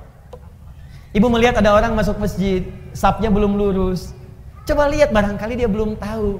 Orang yang belum tahu diberitahu bukan dimarahi. Woi, belum lurus tuh, apa nggak tahu? Bapak, itu belum lurus. Bu, yuk kita luruskan yuk supaya rapat. Biarin aja usil aja. Saya di sini sudah 10 tahun. 10 tahun. Padahal masjidnya baru lima tahun, Bu. Kadang-kadang ada yang begitu nggak apa-apa, nggak ada masalah baik, nggak apa-apa ibu ya. Mudah-mudahan nanti bisa diluruskan. Atau imamnya yang posisi lebih tinggi datang. Makanya kami kalau di Timur Tengah itu kalau ngimami jalan dulu, lihat. Ya, nggak, jadi nggak langsung di belakang ini, di depan nengok ke belakang.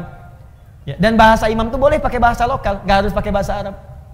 Ya, contoh itu bahasa, ada bahasa yang harus Arab sepenuhnya seperti azan, sholat harus bahasa Arab. Tapi ada bahasa yang boleh pakai makna dengan bahasa lokal.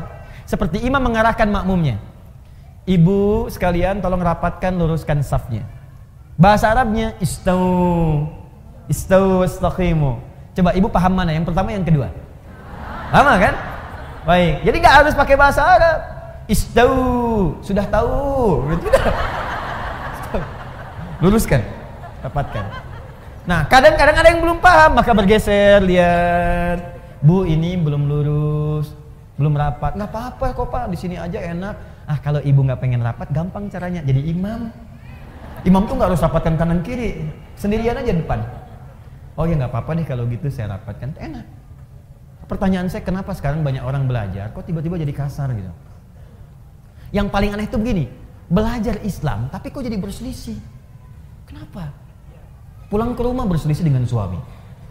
Pulang ke rumah berselisih dengan tetangga. Anda tuh belajar apa? Nabi itu datang ke Madinah mempersatukan. Kenapa Anda belajar kemudian memecahkan diri? Coba cek, silahkan baca sejarah.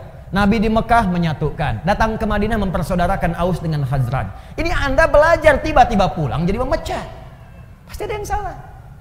Ahlaknya ke mana? Apa penyebab seseorang ketika belajar ilmu tidak melahirkan akhlak. Apa penyebabnya? Itu inti materi kita. Yang tadi mau kodimah. Judulnya itu kan? Ya kan? Ah ini judulnya. Sebab kalau nggak kasih saya nggak saya kasih pengantar, ibu nggak akan paham apa maksud pembahasan ini. Jelas ya? Jadi yang tadi apa? Mukaddimah. Nggak apa-apa. Sampai jam berapa kita? Oh ya, baik ya. Ya boleh boleh. Silakan sampai jam 12 saya jam 10 pulang ya. Mau itikaf sampai jam 12. Ya. Sambil dibantu ya kita kumpul beramal soleh insya Allah ya. Kumpul beramal soleh. Kemudian saya dengar ada apa penggalangan dana juga ya untuk Pekanbaru ya, Riau dan sekitarannya yang terkena kabut asap silakan ke amal soleh dan tidak setiap keadaan demikian. Nanti saya juga akan ikutan insya Allah. Insya Allah akan ikutan.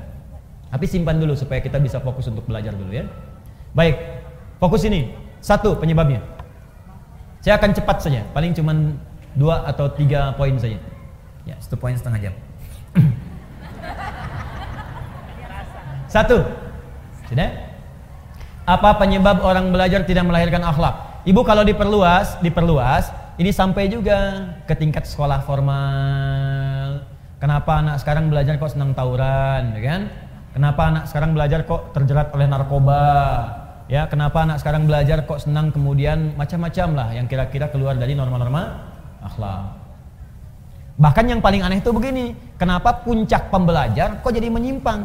Tinggi-tinggi belajar S1, S2 kan sekolah di Indonesia S semua. SD, SMP, SMA, S1, S2, S3. S-nya kan banyak tuh sampai dingin kan? Kenapa setelah dia dapat pekerjaan jadi menyimpang? Ilmunya tinggi. Apa ibu kira yang ditangkap KPK itu pangkatnya rendah semua? Tinggi. Yang dokter ada, yang profesor ada itu tinggi-tinggi ngapain tinggi-tinggi kalau hanya ujung-ujungnya itu kemudian pesantren. Ya. Pesantren perubahan akhlak gitu kan. Ya kenapa Anda usaha tinggi-tinggi, sekolah tinggi-tinggi kalau ujung-ujungnya hanya untuk berbuat maksiat? Tangan orang tangan orang taat, orang sholat itu mustahil berbuat maksiat. Telunjuk kita kan dipakai tahiyat, Bu. At-tahiyatulillah, at-tahiyatul mubarakatuh, salawatu tayyibatulillah. Mau pakai satu, dua dari tujuh versi bebas. Yang penting ketika tahiyat, ini jari telunjuk itu nunjuk. Makanya jari ini kalau dipakai sholat gak akan maksiat. Akan maksiat. Yang gampang-gampang bikin status yang jelek kan pakai jari. Kalau gitu saya pakai ini aja nanti besok. Ke jari. Nulis, angkat telepon, pakai jari itu ngangkat Makanya jari orang sholat nggak akan berbuat maksiat mustahil, mustahil berbuat maksiat. Cek suami ibu pulang ke rumah. Kalau membawa sesuatu yang maksiat yang salah, tanyakan, papa sholat nggak? Sholat mah, kan mama lihat. Pak, tangan orang sholat mustahil berbuat maksiat. Tapi tawarannya tinggi mah, mustahil. Gimana kalau ditawarin 9 miliar? Katakan pak, tangan orang tahiyat tidak akan pernah berbuat maksiat. Gimana kalau 900 miliar? Nanti mama istihara dulu.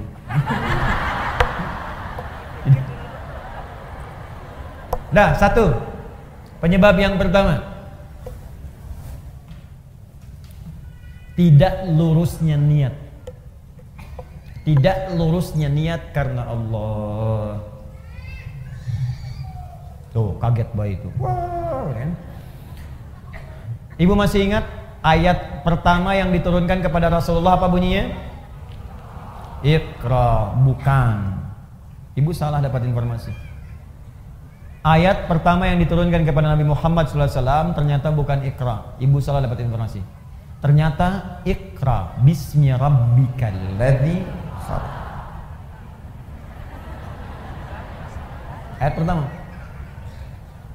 Karena ketika dikampaikan Iqra kata Nabi ma'ana biqari, saya nggak bisa baca. Iqra baca ma'ana biqari. Yang ketiga Iqra baca ma'ana biqari. Dipeluk oleh malaikat Jibril dibacakan dengan sempurna ayatnya Iqra. Bismi rabbikal ladzi khalaq. Muhammad perhatikan. Baca bukan karena engkau tidak pernah punya guru untuk mengajarkan kau membaca. Bukan karena engkau tidak pernah sekolah sehingga engkau tidak bisa baca.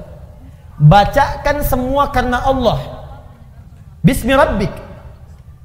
Bismi rabbikal ladzi khalaq yang menciptakan kau saja begitu mudah.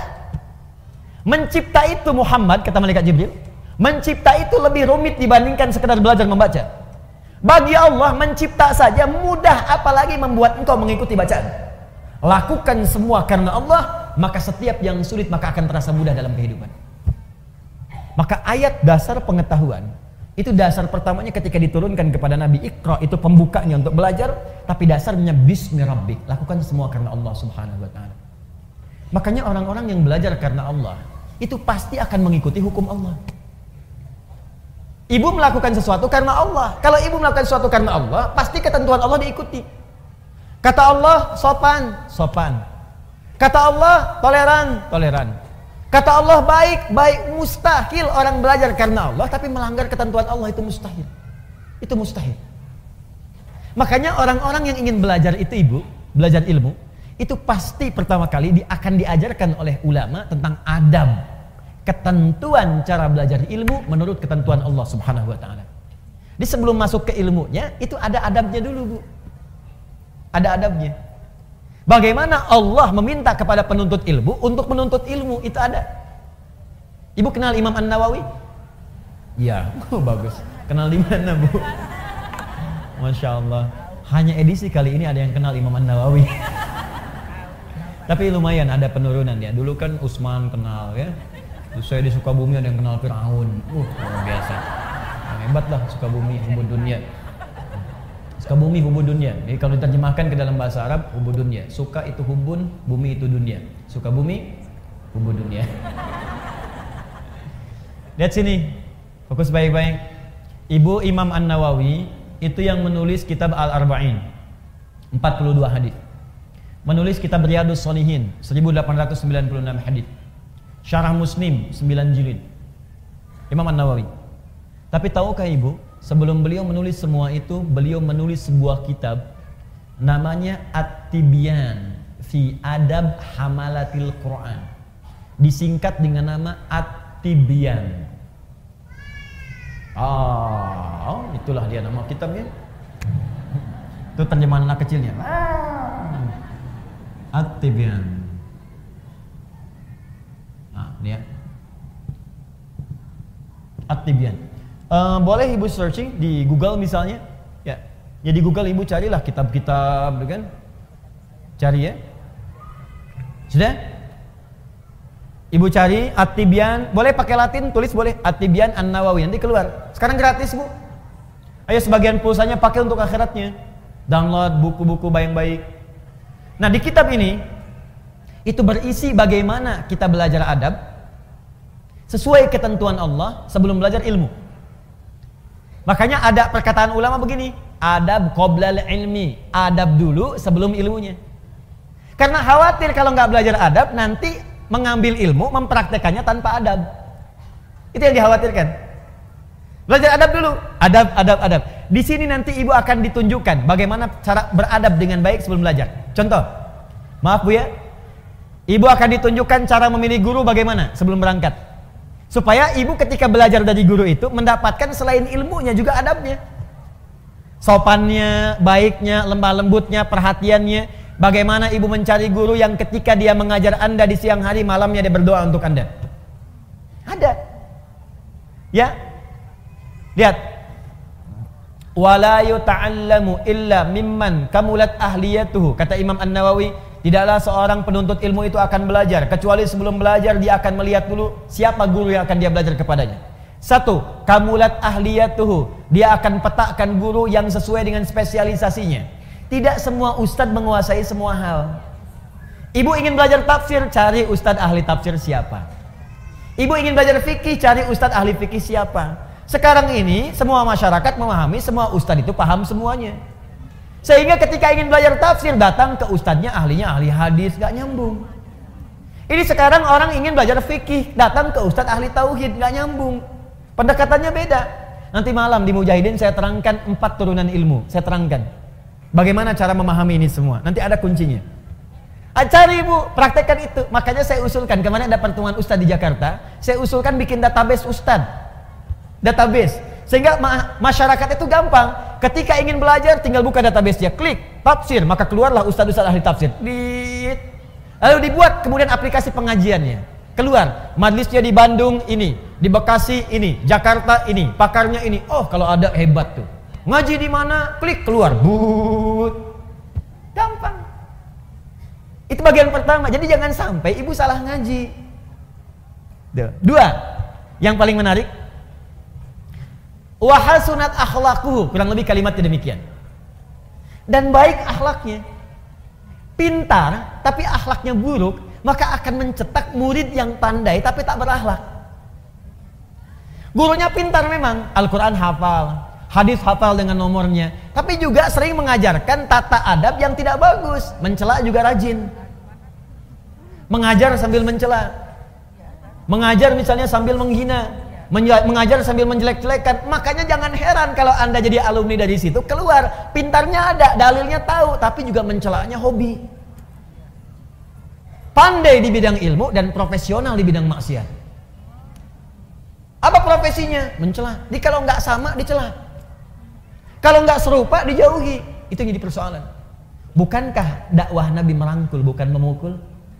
Bukankah dakwah Nabi mencintai bukan mencelai? Bukankah dakwah Nabi mengajak bukan menghinakan?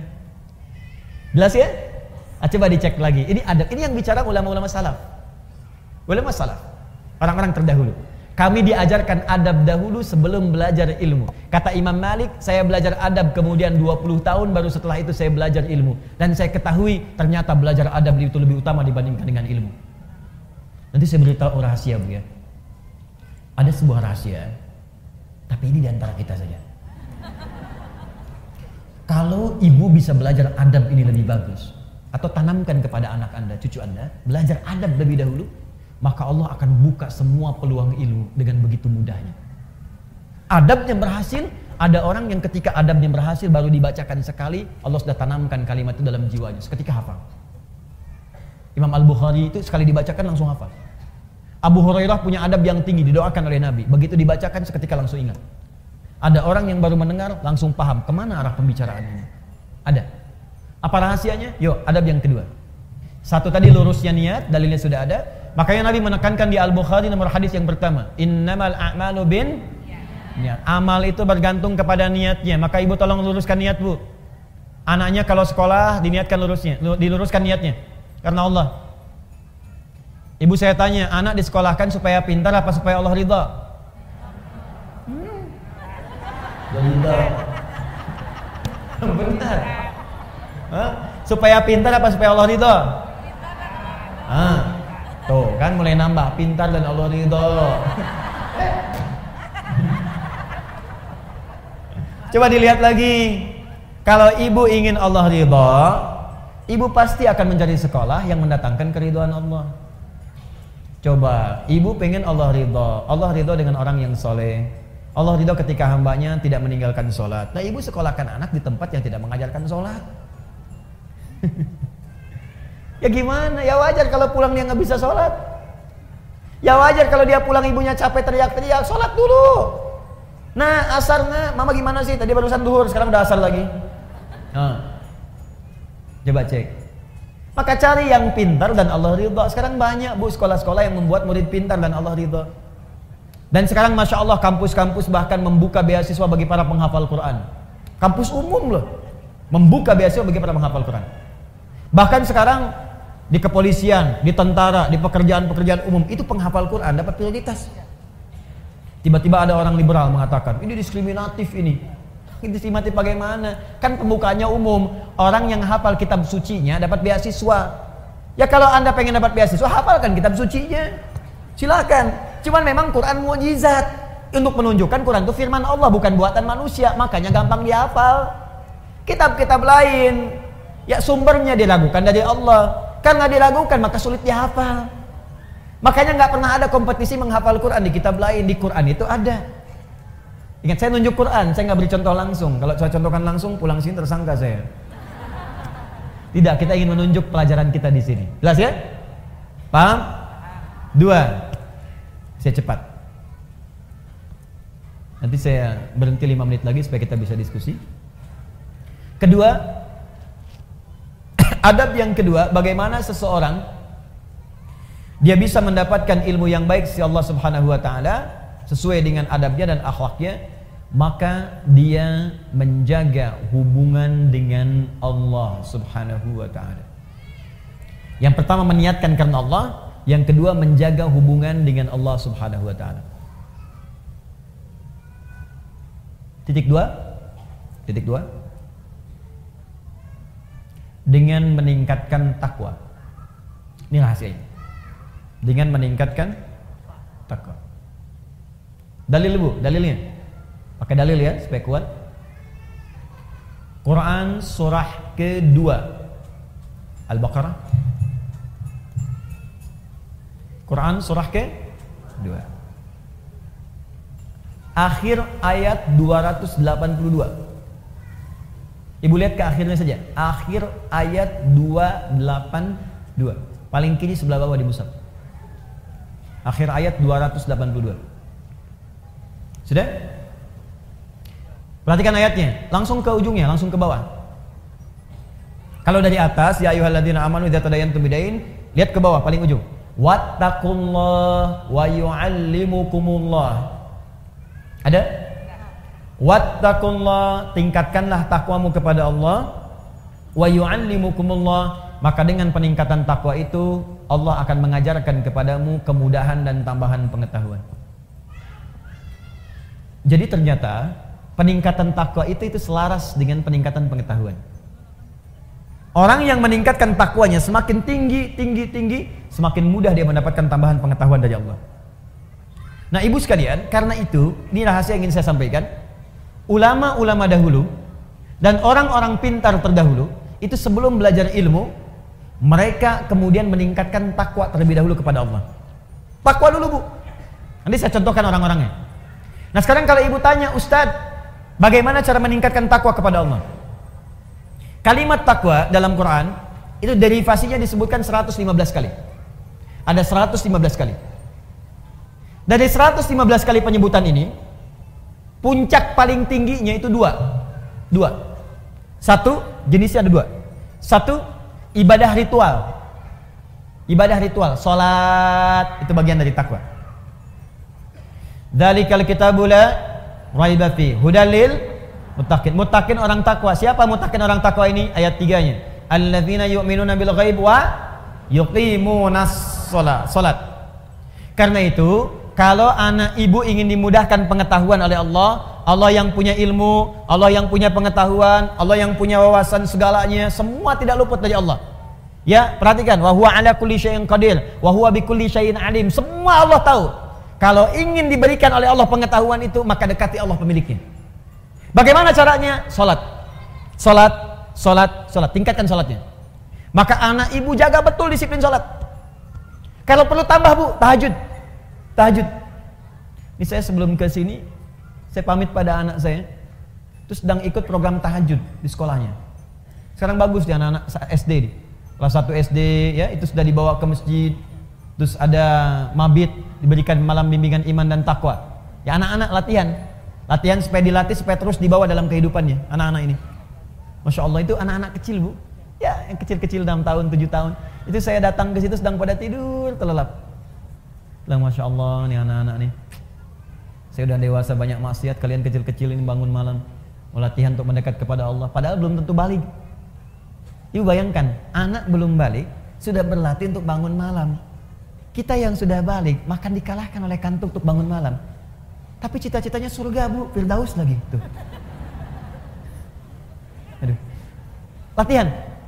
Karena itu Nabi meminta kepada para orang tua, anak dari kecil itu diajari sholat. Masih ingat nasihat Nabi? Jika anak usia 7 tahun ajari mereka sholat. Usia dia 10 tahun menjelang balik tidak mau sholat, maka berikan pelajaran yang membuat dia mengerti. Berikan pelajaran. Kenapa Nabi meminta anak sholat, sholat, sholat, sholat? Karena ada korelasi antara sholat dengan kepintaran seorang anak. Dan kebaikan seorang anak. Jadi kalau anak dari kecil sudah rajin sholat, demi Allah bu, catat kalimat saya ini. Kalau anak diajari sholat dengan benar dari kecilnya, maka anak itu dewasa akan tumbuh menjadi anak yang baik dan pintar. Itu sudah rumus. Ibu cek ya, Al-Kindi, Al-Ghazali, Al-Farabi, ya Ibnu Sina, Al-Khawarizmi, Al-Battani, itu semua ulama-ulama ini dari kecil sebelum mereka belajar pengetahuan dididik oleh orang tuanya sholat.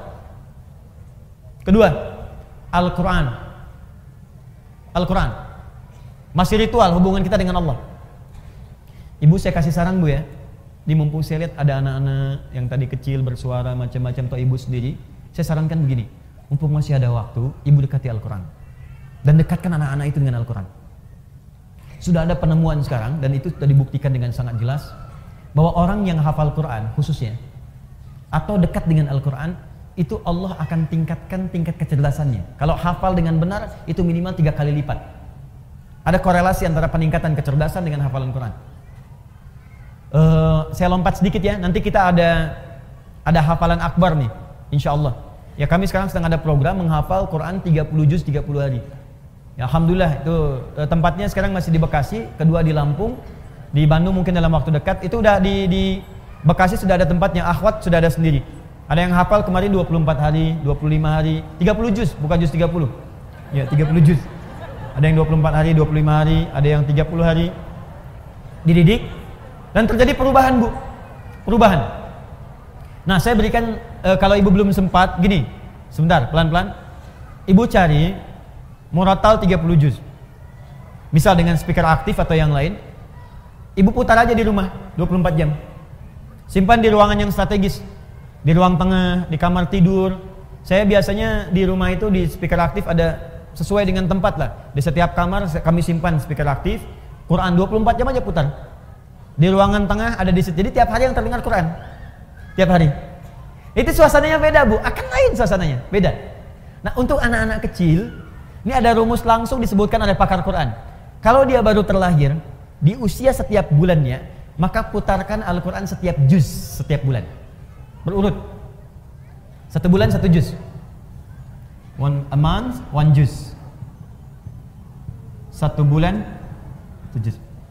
Berurut Bu ya, urut. Misal bulan pertama dia lahir 30 hari misalnya Al-Baqarah, Al-Baqarah aja. Bulan kedua Ali Imran. Bulan ketiga terus sampai ke An-Nisa, terus. Ya, misal itu bukan surat, maaf, juz.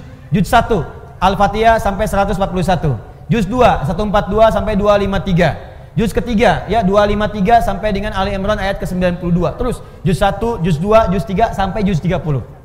Jadi begitu anak itu usia 30 bulan, dia sudah mendengar 30 juz.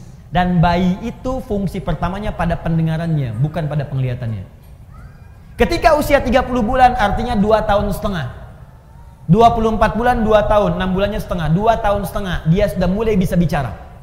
Dan dia sudah menghimpun di memorinya 30 juz Al-Quran. Anak itu, ini sepakat para pakar Quran, hanya tinggal diajarkan menghafal Quran 6 bulan, hafal Quran 30 juz. Di 3 tahun anak itu sudah hafal 30 juz. Itu yang dilakukan oleh orang tuanya Fajar dulu. Begitu dikasih asi, bacakan, bacakan, bacakan. Ternyata saat dia bisa bicara 3 tahun yang keluar di mulutnya Quran. Dicek, dicek, dicek, dicek, dicek, panggil guru dicek, Allahu Akbar. Ternyata dicek, dicek, dicek, 4 tahun sudah hafal Quran 30 juz. Awal sampai akhir. Nah, ibu bisa praktek seperti itu. Nah, nanti antara hafalan Quran, karena Quran itu punya kurang lebih 52 ribu kosakata. Penelitian menunjukkan orang yang banyak hafal kosakata itu, itu akan berpengaruh pada wawasan. Dan karena dilatih cepat menangkap pengetahuan, Dilatih cepat menangkap informasi. Quran itu kan paling dahsyat, Bu. Kami sekarang sedang punya proyek itu meng-MRI otak penghafal Quran. Ya, di bagaimana cara dia menghafal dengan mengeluarkan Qurannya. Kan kalau yang biasa-biasa ditanya gini misalnya, "Ibu kemarin jam 5 sore ada di mana?" Berpikir dulu kan? Pikir dulu baru keluar. Penghafal Quran tidak. Teruskan. Qul huwallahu sepersekian detik Bagaimana bisa mengeluarkan informasi itu di dalam bagian otak kita sehingga sepersekian detik bisa keluar. Nah itu kalau menghafal Qurannya benar bu, itu bisa dipakai memori untuk menghafalkan pengetahuan yang lain. Belajar fisika, begitu disampaikan masuk, dibutuhkan keluar cepat. Biologi, dihafalkan masuk, keluar cepat. Makanya orang dulu, orang Islam dulu, itu walaupun mereka ahli biologi, matematika, bahkan kedokteran, itu rata-rata semua penghafal Quran. Ibu buka ya, ada kitab namanya Bidayatul Mujtahid. Sekarang banyak digandrungi, kitab fikih. Fikih perbandingan. Bidayatul Mujtahid ini Bu, itu tentang fikih perbandingan, tapi yang nulis dokter bedah. Dokter bedah, dokter spesialisasi bedah, hafal Quran. Dari hafal Quran ini belajar fikih. Hafal Quran, hafal fikih, kedokteran. Ibnu Sina hafal Quran, hafal hadis, hafal tafsir, kedokteran. Al-Khawarizmi hafal Quran, hafal hadis, ahli matematika. Tuh. Hampir semua. Ibu kalau nggak percaya silahkan. Dan saya coba memulai membuktikan itu ternyata banyak dampak perubahannya, betul itu. Ya, saya saya belajar bu, saya belajar. Di saya kalau lagi selesai main-main ke toko buku, saya beli saya beli buku-buku anak sekolah itu, fisika, kimia, matematika, saya pelajari sendiri. Ya saya, buka YouTube, saya lihat bagaimana. Terus kalau ada anak mahasiswa belajar datang ke saya, bisa saya pengen belajar, kamu dari mana? Kedokteran. Kamu bawa semua modul kedokteran kamu ke sini. Saya akan pelajari, saya ajarkan apa yang kamu mau. Saya nggak paham, saya tanya sama kamu dan kamu boleh tanya apa saja. Jadi saya belajar kedokteran dari dia, dia belajar ilmu dari saya. Semua belajar. Dan saya senang belajar. Belajar, belajar, belajar, belajar, belajar. Itu itu indah. Enak.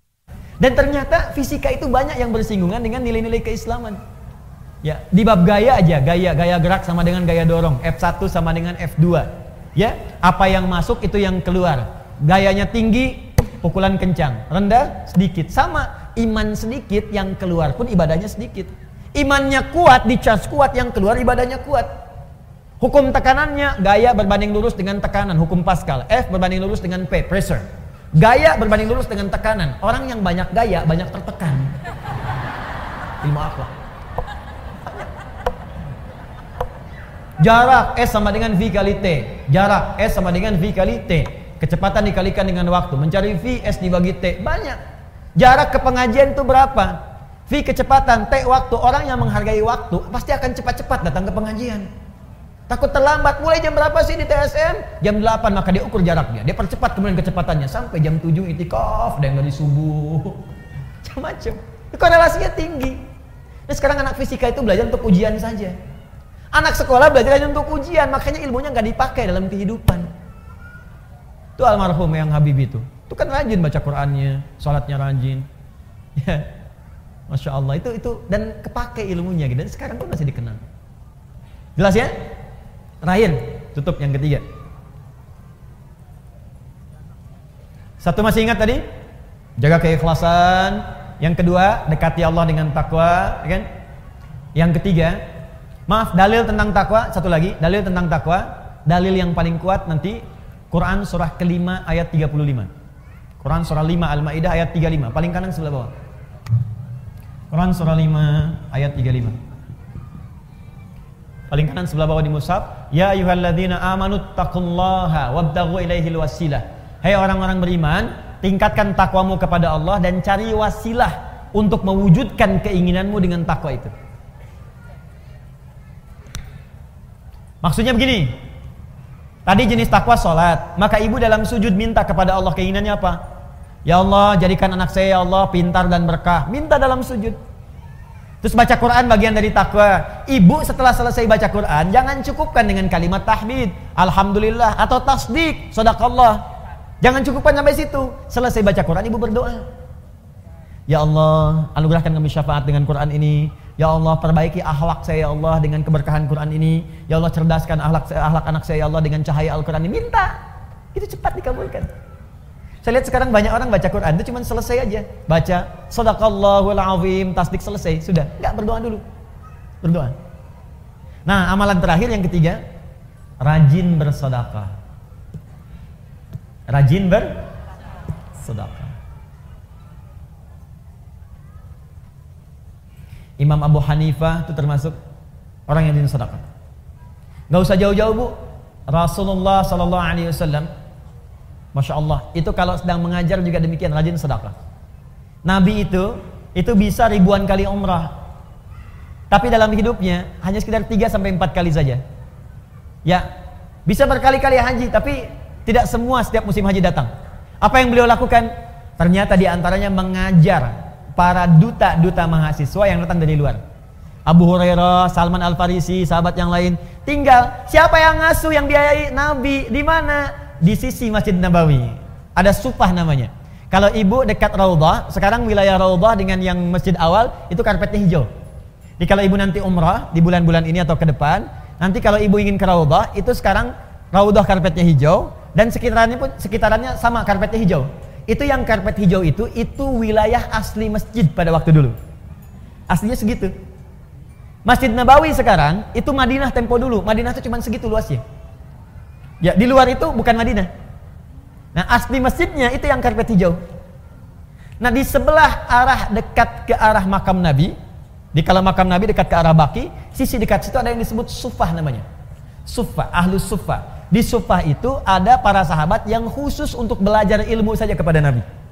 Abu Hurairah radhiyallahu taala anhu, ya. Ada Salman Al Farisi, termasuk Ali bin Abi Thalib, Ibnu Abbas, Ibnu Umar belajar aja. Itu yang biayai Nabi. Yang nggak ada bekal, Nabi kasih makanan, ya, kasih kemudahan dan sebagainya. Nabi itu. Dan masya Allah ilmunya berkah. Di setidak, makanya saya diajari oleh guru kami, itu setidaknya kalau belum bisa memberikan sesuatu kepada murid, kamu saya datang pada guru saya saya bertanya, saya berikan saya nasihat. Adinda, ya bunaya anakku, siang engkau belajar, malam engkau dekati pada yang memiliki pengetahuan. Maka mintalah kepada Allah agar ilmu yang engkau ajarkan itu meresap ke dalam jiwa-jiwa setiap murid yang belajar. Yang kedua engkau doakan mereka. Dalam setiap malam engkau mengajar. Dan itu saya praktekkan. Pagi, siang saya mengajar, malam bangun, kita bayangkan lagi ngajar di mana, kita minta sama Allah, ya Allah, Sayangi setiap orang-orang yang belajar. Ya Allah berkahi ilmunya. Ya Allah lapangkan kehidupan mereka. Ya Allah mudahkan mereka. Ya Allah pertemukan kami di surga. Ya Allah himpun dengan keluarga. Ya Allah jauhkan mereka dari maksiat. Minta gitu. Itu dampaknya besar. Tinggi dampaknya. Ada guru-guru yang lebih hebat lagi. Imam Abu Hanifah. Itu sampai sodakoh ke muridnya dan sebagainya. Dan itu berkah kemudian. Nah sekarang dibalik bu. Ibu juga sama. Ada murid-murid yang ketika dia kemudian belajar. Itu banyak di antara mereka yang mempraktekkan sedekah. Ada Syekh Nawawi Al-Bantani bu Syekh Nawawi itu mereka, beliau ini setiap akan belajar itu bersodakoh di atas namakan gurunya dengan niat tidak ingin mengetahui aib gurunya di Imam Nawawi kalau mau datang kepada syekh untuk talaki itu sodakoh dulu begitu sodakoh beliau niatkan kepada fakir miskin kepada orang lain dia niatkan begitu diniatkan ya Allah saya niatkan sodakoh ini dengan niat ini saya tidak ingin mengetahui aib guru saya sedikit pun Makanya berkah sampai sekarang. Termasuk di antara imam besar Syekh Nawawi Al-Bantani di antara guru yang tidak pernah mengetahui aib guru-gurunya. Makanya yang didapatkan ilmu aja, ilmu, ilmu, ilmu, ilmu, ilmu, ilmu. Masya Allah. Ya ibu silahkan.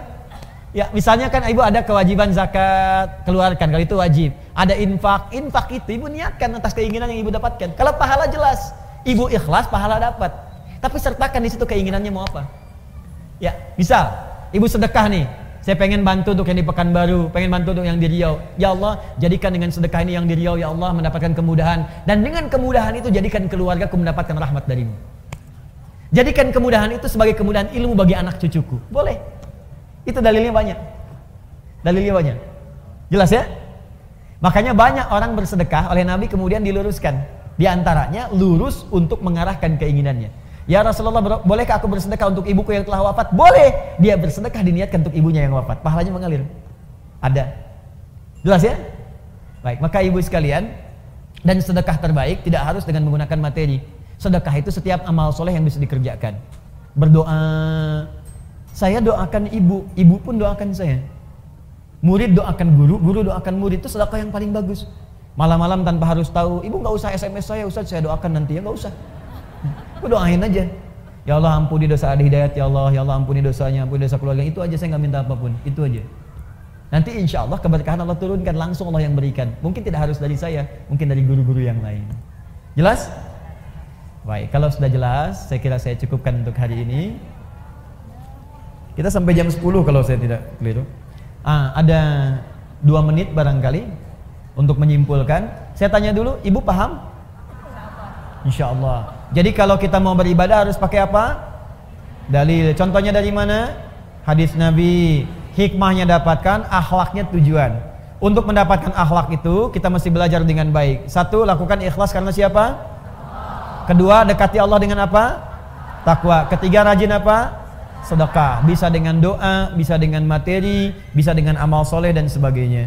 Maka lakukan itu. Saya berikan tiga saja dulu untuk bisa memanfaatkan dan mudah untuk mengamalkan apa yang kita telah pelajari. Saya tanya, paham insya Allah? Siap mengamalkan? Yakin dengan Al-Quran? Siap mengamalkan Al-Quran? Baik, saya uji dulu ya. Saya uji satu ayat aja, Quran surah kelima Al-Maidah.